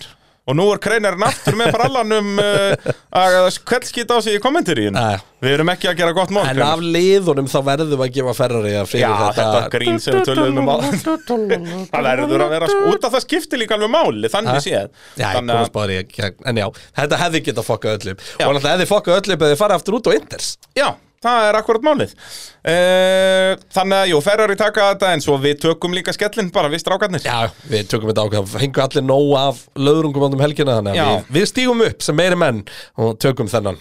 Við, við, við tökum þetta á okkur. Og uh, slá okkur undir með einu, einu Milwaukee 12 volta bara Bara skvett henni. Það eru sann svo léttar og að-. Þetta en það eigum ekkert skilið eitthvað þungt Nei, ég segi það, þetta er bara, já, létti lúra kátir.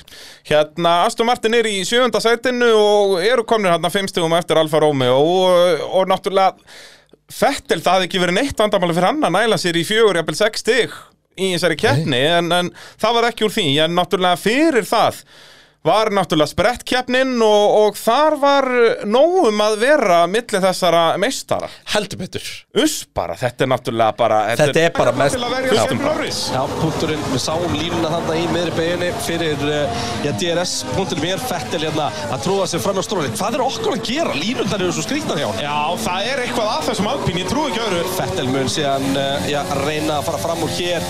Stroll mun koma þetta yfir og loka, svo opnast afturvækur og Stroll, hvað er Stroll að gera? Gera? Landstról, skammastu því? Þetta endaði bara næstum því eins og 2019 þegar að eh, Vettel og Leclerc enduðu saman á nákvæmlega sama stað á Ferrari bílunum Þetta er bara skammastu Því því líkur Stroll. ekki fáið Þetta er bara, hann er Já, nákvæmlega, hann er bara Og Nei, þetta tala er um þetta er sprettkeppni og þeir eru hvað, í 11. og 12. sæti eða eitthvað og bara snemma í keppni og Fettil er örvöldlega hraðari bíl og þvinga veist, Fettil er komin halvur upp á grasið Halvur? Já, bara, Svona 90%? Þetta var svo nálátt í enda eins og bara Mercedesarnir í Barcelona 2016 Já. þegar að, þú veist, Hamilton fyrir upp á grasið og snýst á grasinu Já. og bombarinn hliðin á Rosberg Það er bara vel gert hjá Fettel að halda bílunum Já, straight bara sko. geðvægt vel gert Uh, þannig að, eh, já, þeir kveldskita á sig þarna en svo náttúrulega í keppni sest, Fettin er að vinna sig upp í hann nýjönda seti í sprettkeppninni uh, er svo bara geggjaður í keppninni er rauninni bara á pari við Norris ef ekki hraðari og náttúrulega svo kemur drama að náttúrulega Klerk og Norris þannig að þetta leit bara mjög vel út hjá Fettel Sa- Heyrðu líka hvað Fettel var komið með nóg afstról. Þið sáu þetta öllu það ekki? Já. Já. Hann nefndi ekki einu sinni að taka Ó, Fítasen! Alveg stöppu geðugur eins og hann tók. Það var geggja tímireiti undan 2019 Þegar hann var klerkenda saman. Þegar hann tók rand á þýsku sko, það, hljómar allt eins og hann sé að fara að myrða menn. En núna var þetta bara Heyrðu þið sáu þetta þegar ekki? Þú veist, hann er bara að nennir þess ekki lengur. Það er ein keppn eftir og þá getur hann Mun aldrei þurfa að tala, við þetta fíbl aftur sko. Þú veist, Stroll er ekki ykkur gæi sem að Fettil að fara að bjóða mat eftir 20 Nei, ár, sko. ekki fræðilegur. Þó að sé basically allir aðrir í formúlinni sem að Fettil væri alveg til í að bjóða mat Stroll er síðastur á þeim lista. Uh, En Gaman að sjá núna hvað Þú veist Ræfalið hjá Hamilton og Fettel Þróaðist út í að vera flott veist, það var alltaf virðing sko. Já, það var krútlegt moment á blaðamannafundunum þegar Hamilton sagði að það var hans uppáhalds rivalry Já, það var alltaf líka alltaf komið dig á Max Verstappen sko. Já, og líka líka bara að vera satt með hliðina á honum Já, og líka mjög auðvilt að velja upp á þessu ræfalið þar sem að þú vinnur sko. Já, það er náttúrulega er alltaf svo leið sko. Við myndum líka miklu betur við Það það er bara, Fettil aldrei að fara að segja upp á þessu rævari Já, ver, hlýtur að vera Ricardo 2014 Nei. Þú veist,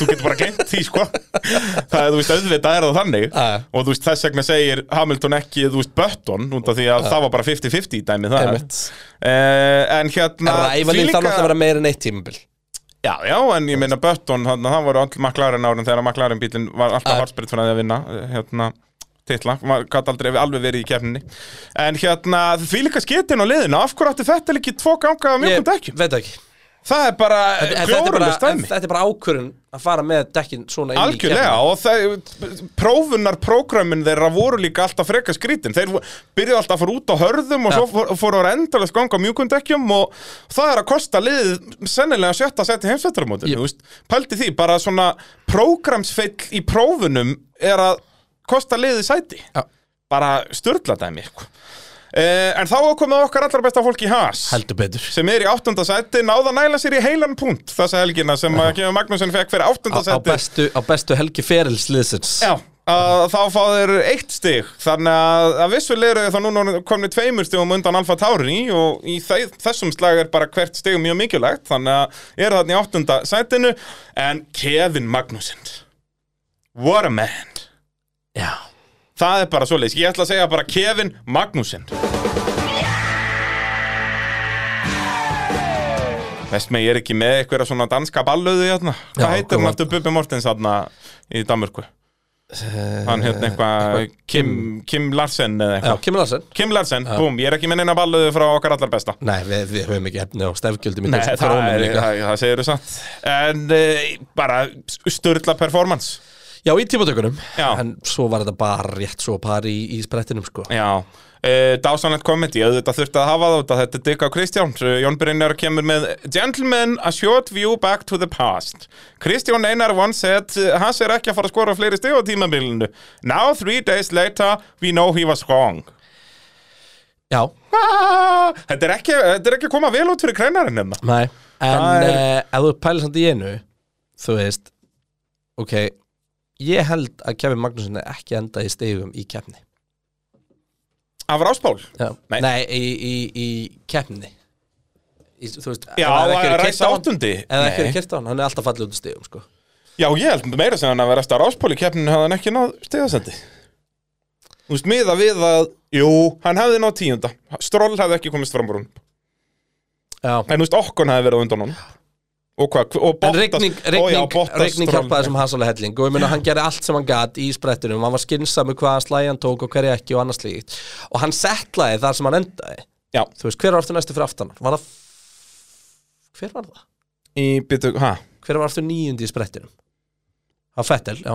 Fettel, já. Fettel var ekki að ná honum, Nei, við. Hann var, nei, jú, Fettel var að ná honum en ógustlega lítið. mjög hægt, þannig að þú veist, hann ég hafði segi, í aldrei fullu komist reysi fram hefði hann úr farið fram úr Já, samt sennilega bara strategi Hann var ekki það mikið hraðari Hann hafði flóið fram úr, sko. Já, og þar var Fettel ekki með strategíuna.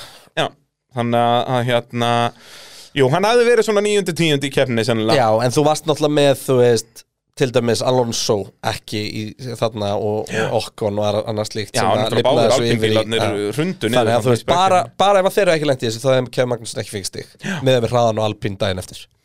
Sturlu starrend sem ég glemt að tala um áðan með Stroll að hann að sjálfsögðu endaði tíundasætti hann kann ekkert annað.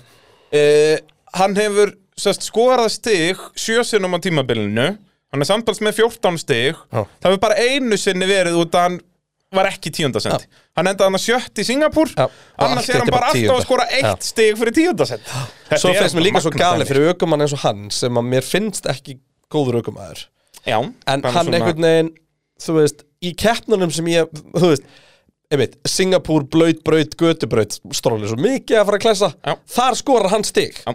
en svo skorar hann ekki stig bara á einhverjum basic brautum þar sem að meira segja Fettil er í fimmtasæti eða eitthvað skilur þetta er alveg gali sko. og svo bara reglulega samt á undan Fettel í alls konar tilveikum og eitthvað. Hann er svo mikið upp og niður. Hann er stór skrítin þessi gæi sko. Uh, Sigvartur Fannar spyr uh, hvar hefði Magnúsin enda hefði hann uh, hefði gaurinn sem að drekkur táfílu ekki mýið á skrúðgöngunans sem að geti verið besta orðalag hann hefði annarkvæmt enda tíundi eða ellifti Já, þú veist, þarna Nei, já, veistu, ég held meira að segja með, Hann hafði ekki með, endað í stigum. Ja, Hann hefði þurft, hann hefði þurft bara Einu sénsamt að endi stigum hefði verið að keppnisállin hefði linka vel upp við að fá ný mjúk dekki í Já, öryggsbílum skilur akkurat, en, hérna, en ég held að hann hefði ekki endað í stigum. Nei. Og bara hans bara hefnir eða var sprett kemnið og fengur allavega stig sko. Algjörlega, algjörlega. Uh, Önnur störlu staðarind uh, hjá brallanum. Uh, Þetta er hans í annað skiptið á ansi löngum ferli Kefur Magnúsin Hann byrjar 2014 Já. Sem hann dettur út á fyrsta ring Já, ég var að sjá þetta með þetta störtlað Ég Miðað við- aldrei trúa Ég þess Þetta segi er Kevin það. Magnússon sko. Út að Kefur Magnúsin er frægur fyrir það að vera að lenda í alls konar fíblagangi Það var bara gest Hann var bara alltaf að brjóta framvangi Þetta var bara hérna Ég held Silveston 2017 eða eitthvað. Og þá er mitt var það uh, En, en talandum, talandum það, mér fannst þetta til dæmis ekki verið eitthvað gróft brot hjá Daniel Ricardo. nei, nei, nei, að En hvað, hann kem- fær þryggjast þetta refsingu eða ekki Abu? Jú, að það ekki. Mér minni það. Það er náttúrulega bara að það verður að dæma allt. Já, það verðist vera línan og En- þó að þetta sé á fyrsta ring Þetta er fæla Já, og sko, Kevin bara stoppar hann í þessari beigju sko. Það er nefnilega máli, þetta lítur út á fyrstu sína að Ricardo Ricardo sé að er, er bara að keira. En, Þú veist, Magnússon liggur við breiktjakkarinn í miðri beigju sko. Bara, bara þvæla alltaf að bílum sínum út í hann er með já. aðstæðlega línu sjálfur sko. Algjörlega fer, Og Ricardo gæti ekkert gert út af hann fyrir svo svakalega hægt hann Þetta er ekki nálætti eins og með svo nota í Mexiko sko. Nei uh, Nonni Trabant okkar allra besti uh, sem er náttúrulega Ali G Íslands uh, að mörgu leiti Já. Vagvan Hasausarnir segjast alltaf að staðfesta bílstjóra fyrir Abu. Ef að Big G K-Mag er ekki á þeim lista ef við sína framistöðu uh, er Riot hjá mínum mandem. Safe Kevin Magnússon MS samningur næsta ár. Já, og það er alveg staðfest að hann verður uh, við vitum það alveg, hann verður hann þetta er bara spurning hvort að og- verði Hulkenberg, eh, Ég var er að það mynda að fatta eða... Ég var að mynda að fatta að það er þriðudagur og ég sagði að það kæmi akademisk þeir- þriðudagstilkynning heldur að vera Það er fimmtutastilkynning hjá okkar mönnum sko. Já, en það verður Níko Hulkenberg. Já, því miður. Við tökum það umræði betur á Elsku- fimmtudaginn. Elsku Mick Schumacher, hann var svo lillur sem tímatökum og Já. á sama tíma í Kevin Magnússon fyrstur. Ríkalegt sko Og eins og segi, Mikk var bara ekki með neitt hraða og Ívar Máni kemur hérna með pælinguna. Er þetta ekki búið hjá Mikk bara? Jú. Ég, ég held það, þetta var síðasta naglinn í, í Eh, ríkistunni Ég held að Daniel Ricardo verið þriðjögumar hjá Red Bull næsta ári og Mick Schumacher verið þriðjögumar hjá Mercedes. Þannig að Schumacher nafnið er valuable fyrir Mercedes og svo þegar Hamilton hættir þá verið Mick Schumacher áfram þriðjögumar hjá Mercedes. Já, 100p Mhm. Það er ég, held að, ég held að þetta sé bara Og þú stannir Ricardo verið þriðjökumæður hjá Red Bull En þegar að Peres fær COVID þá kemur bara Gasly í það sendi sko. Ég hefði Albon. Já, Albon en sennilega Gasly verður ekki lengur í hálfa tári Nei, já, auðvitað, glens Hann kemur bara Já, nýtti það verður vrís já. Eitthvað svo leis, það, veist, þetta er svo mikið þvæla. Uh, Alfa Tauri, uh, dotnir í nýjunda seti eftir að hafa verið í bara sjötta sjöunda mest allt tímabilið, það eru núna tveimur stöðum fyrir aftan. Haas Vá, Alfa Tauri er kom, vá. Já, tveimur stöðum aftar Haas og ég, þú veist, jú, ég, þeir gætun, Gastli getur nælt sér í nýjunda setið, sko, í, í Abu Dhabi, en hann verður þá að vera nýjundi Nei, það dugur ekki einu sinni, Haas voru svo góður í byrjun tímabils, hann verður að vera áttundi. Ef Alfa Tauri ætla ekki að enda í nýjönda seti í heimsættaramótinu en það er náttúrulega bara eitt að tala um í hjá Alfa Tauri og það er þetta, þessi þvæla. Herdi Selgadóttir spyr endar Juki bara ring fyrir aftan alla hina? Já, og það er bara, og þú veist og eina sem Fía getur sagt er bara, að sorry, eh, eitthvað bilað bara, þú veist, hvað gerist þarna? ég sko, mér veist það svo skriðin útskýring. Basically, uh, samkvæmt útskýringunni sem að FIA gaf út Þá er sérst, Sonota er fyrstur að koma öryggsbílum Nefn að Sonota, hei það er öryggisbíl Ég ætla henni pitt Þannig að hann fer fram úr öryggisbílnum Og fer yfir endamannslínuna á undan öryggisbílnum. Já, Sem ekki Og ekkert sæðis Af hverju er öryggisbílinn líka þar? Öryggisbílinn á að vera endan á pittaksitru Yep. Og Þetta er basically bara tölvufeill Já. og, það, og, Og Fía bara bara, er ekki með nei. neina takka til að overræta þetta eitthvað og þá bara verður þetta að vera svona Já. Gjössamlega galið hvað hefðu þeir gert ef þetta væri eitthvað deciding faktor? Þetta getur ekki gerst þar Nei, þá veist, þá ekki- jú, öryggisbílinn bara þurft að fara hefði- hringi og bara þeir þurft að gera þetta manually Þetta hefði mögulega verið eitthvað svona Þú veist Þetta er tíundarsætið Það er eitt stig sem skiptir máli fyrir Alfa Tauri og hérna út í að það er búið að ringa þú veist, topp, þú veist allan nema topp 5 Já, eða eitthvað skilur þú veist, En þú veist, á endanum að skipta þetta engu máli þannig að þú veist, þannig sé þarf ekkert en þú veist, þetta er bara svo mikið þvæl. og Nóta fær svo stórt klapp á baki frá mér fyrir að bara herri, ég ætla ekki bara að vera í þessu. Já, ég hugsa þetta alveg, það er samt líka alveg fucking hættulegt því að þetta er endurreising og það gæti alveg verið þrý vætarna sko. En hann var samt alveg yfir kvítulín vinstra megin og það var alveg algjörlega En ég er sammála,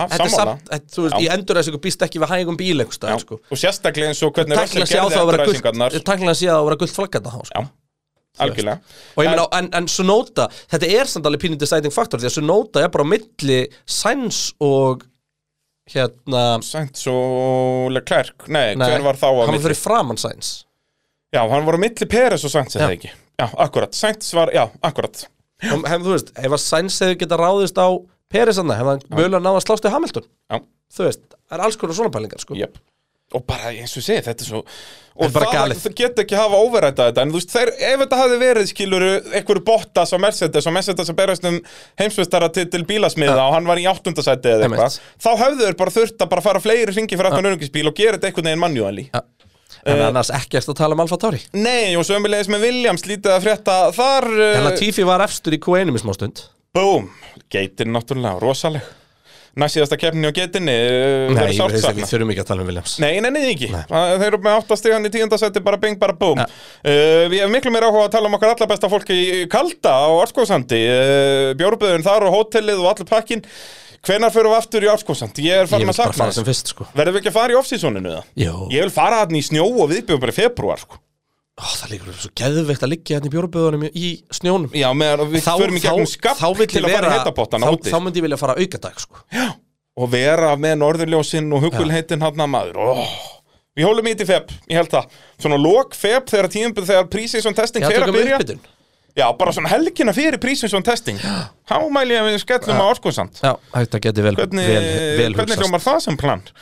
Uh, sko, við erum að auka pælingar hérna, við höfum bara ekki tímið þær sko. Ef við ekki að geima þær bara þangað til næsta þendi Nei, nei, þetta eru stuttar. Er það svoleiði, Já. sko, einar sveit með geggjaða pælingu. Já. uh, Þessi blessuðu Terof Er ekki eitthvað annað í bóði sem getur verið fjarlægt án vandræða fyrir Ég er næsta fyrir aftan? Ég er svo ánæður með þessa spurningu Því að þetta er á mörgu leiti svo bjánulegt Sko, þannig við erum að tala um Terofinn á Hjálmunum, Og þetta er það sem er að kveikja í bremsum hægri vinstri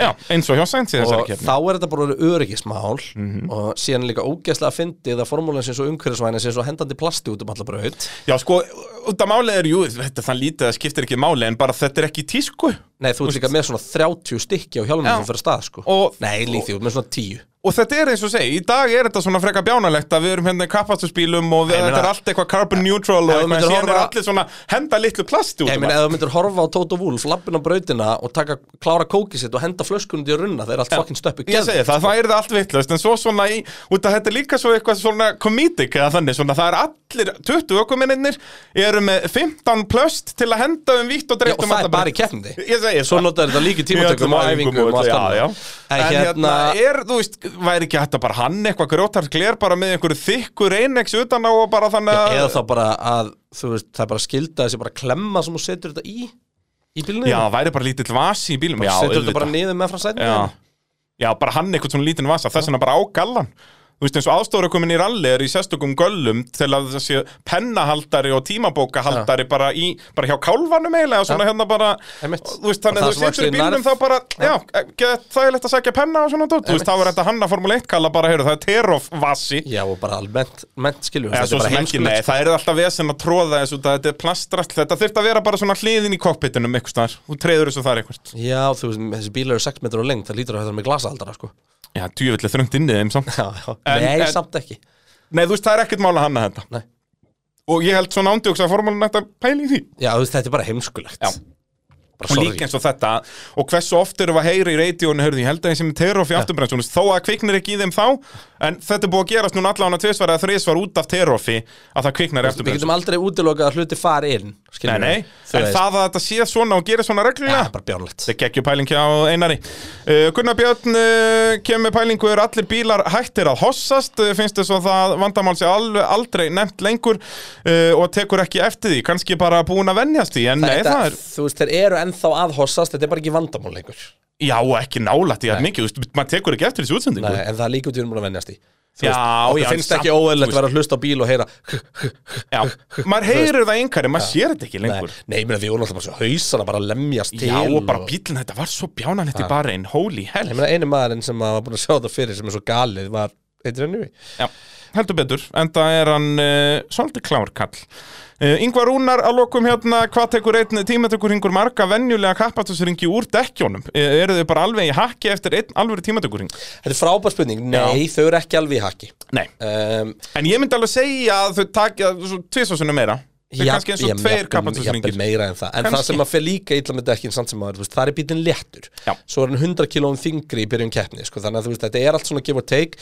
Um, Það sem er eins og er yfirleitt sko, gott með tímatökurhingin er að þótt þetta leggja ókslega mikið á dekkin þá ertu með því algjörlega optimal vinslusvi Mhm. þar virka þau en að taka tímatökurhing og dekkin er ekki alveg klár því að það sem við ætlum að sjá með dekkin í ár er að þau höndla mjög illa þessi pússa á þau ef þau eru ekki 110% klár Já, og, og þar er hættan þetta þegar það er komið út úr pittinum og bara þú veist, ég er ekki að tengja við þessi dekk þá bara tókuður of hraðan útring oft sko. Já manstu Þess hversu oft vegna við vorum að tala um það í byrjun þess vegna líka heyrist mér á öllu að það sé bara búið að tala formúluna af því að vera með að, að dekkið verið bannaðir. Já, það verður að hafa Já.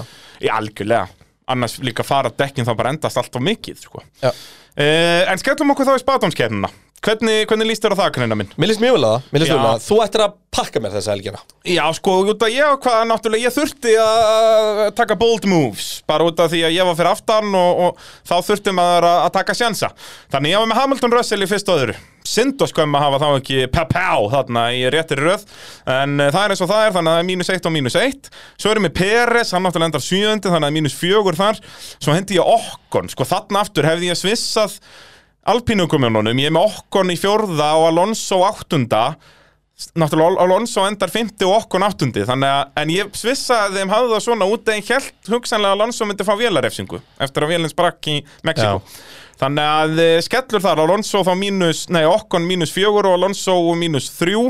Svo náttúrulega erum við báður með Norris aðnaði miðbygg uh, keppninar eða þarna já í já. 15 seti Þannig að það er mínus 13 á mig þar. Býttu Svo er ég með Bottas og Fettel, bæði góð sjátt, en bara aðeins og ofalega, sko, þannig að það er mínus 3 og mínus 4, þannig ég enda með mínus 33. Er ég að vinna þig? Þú ert nefnilega að fara að vinna mig, þú ert vissulega með Max í fyrsta, mínus 5 þar, en svo ertu með Hamilton í Pá, sem er syndoskom fyrir brallan, svo ertu með Leclerc bara mínus 1, Russell mínus 3, Peres mínus 2, Norris vissulega mínus 12, svipa og, og brallin, svo ertu með Okkon til dæla nálat, sjöðunda, en hann endar áttundi, þannig mínus 1, og svo ertu með Fettel í, í, í áttunda sæti, hann endar 11, þannig mínus 3 þar. Já. E, Þannig að þú endar með 25 Þannig að þú græðir aðra 8 punta á mig sko. Ég, þetta er helviti, ég kom með, ég kom með nýju fingur á þetta Já, mér líst ekkert á blikuna sko. Þetta Þú er verður núna- að taka einhverja sprengju hérna næst sko. Ég verð nefnilega að taka sprengju Hvað, þú byrjaði að segja þitt Verstapen, Já, Hamilton Russell Perez Leclerc Alonso Norris Vettel. Mercedes lendi í öðru sæti heimsmeistar móti bílasmiða. Leclerc nær uh, öðru sæti í, í heimsmeistaramótinu hérna uh, aukumanna já. En uh, já, ha, Já, Peres er á undanlega klerk já, en Leclerc samt sem áður hérna nei, þeir eru jafn Þeir eru jafnir já, þeir eru-. Þú ert að segja Peres nái, nái því. Já, ég held að Perez verði fyrir fram að Leclerc í Abu Ok, sko, nú verð ég að ég verð að taka þá fleiri sjensa hérna, sko, þú ert með báða Mercedes-bílarna þarna. Þeir eru þetta samt aldrei út, nei, nei, ég hef þetta svona. Ok, ég er með Hamilton Russell í fyrsta og öðru. Það uh, sleppa Max. ég sleppi Max, alveg eins og ég gerði með í Brasili og þá bara, ég grætti svolítið á því að sleppa honum bara. Uh, svo er ég með uh, Leclerc Perez þannig að ég sleppi bæði Sainz og, og Max þarna, þú sleppir náttúrulega Sainz. Já, þannig ætti ég kannski að hafa Sainz út að þú þá ætla ég að sleppa Russell og hafa Sainz ég verð bara að gera allt öfugt við þig. Þá hef ég Sainz, nei býtu þá hef ég Leclerc í öðru og Sainz í þriðja. Já, ég verð bara, ég verð að taka þetta sensa ég er sko 35 stegum eftir þér eða eitthvað. Þannig að bara ég verð að fara all out í fullbækangin Býtu, ég er með Peres og samast að þú, það gengur heldur ekki. Þannig ég ætla að hafa, ætla að hafa Norris þar Svo Alonso uh, Svo Okkon Bara til að vera öfugt við þig Svo ætla ég að hafa, þú ert með Fettel sko, Þannig að þá ætla ég að hafa Bottas í sjöunda. Og þá hverjum á ég hendi í áttunda? Bara? Nei, Það er og hverja? Stroll er alltaf aðna í kring, ég hendi Stroll. Tjúvill væri að fyndi og myndi vinna með að pái frá Stroll Já. Stroll í Það væri áttunda. það sem myndi smiðisveikif nei, Ég hendi Gastli, ég var ekki að henda Gastli að þinn? Jú, hendum Gastli Af hverju ekki? Ég held að það fara enda á svona 50 stugum Já, þú veist, ég veit það. Ég, En ég verð, nei, ég er að fara að enda 50 stegum eftir bara í Abu Dhabi. Þetta endar í 100 stega mun. En þú veist, ég verð að gera það. Það skiptir ekkert máli með hversu miklu ég tapa sko. Þannig að ég er verð bara að go for it. Þannig að ég ætla, ég ætla að hendi þetta Þannig, Ja. þannig er staðan á brallanum Helviti gott uh, Minnum á, bara wow hvað það langur þáttur Já. Minnum á uh, uppbytun fyrir Abu Dhabi á pitturinn.is Takk aftur indislega fyrir helgina Bara, bara uh, Sind og skömm, það er bara ein helgi eftir árinu sem við ætlum að eða svona Já. saman, svona nánir En ég er peppaði fyrir off-season Já, og núna. þú verður hjá mér um jólinn og eitthvað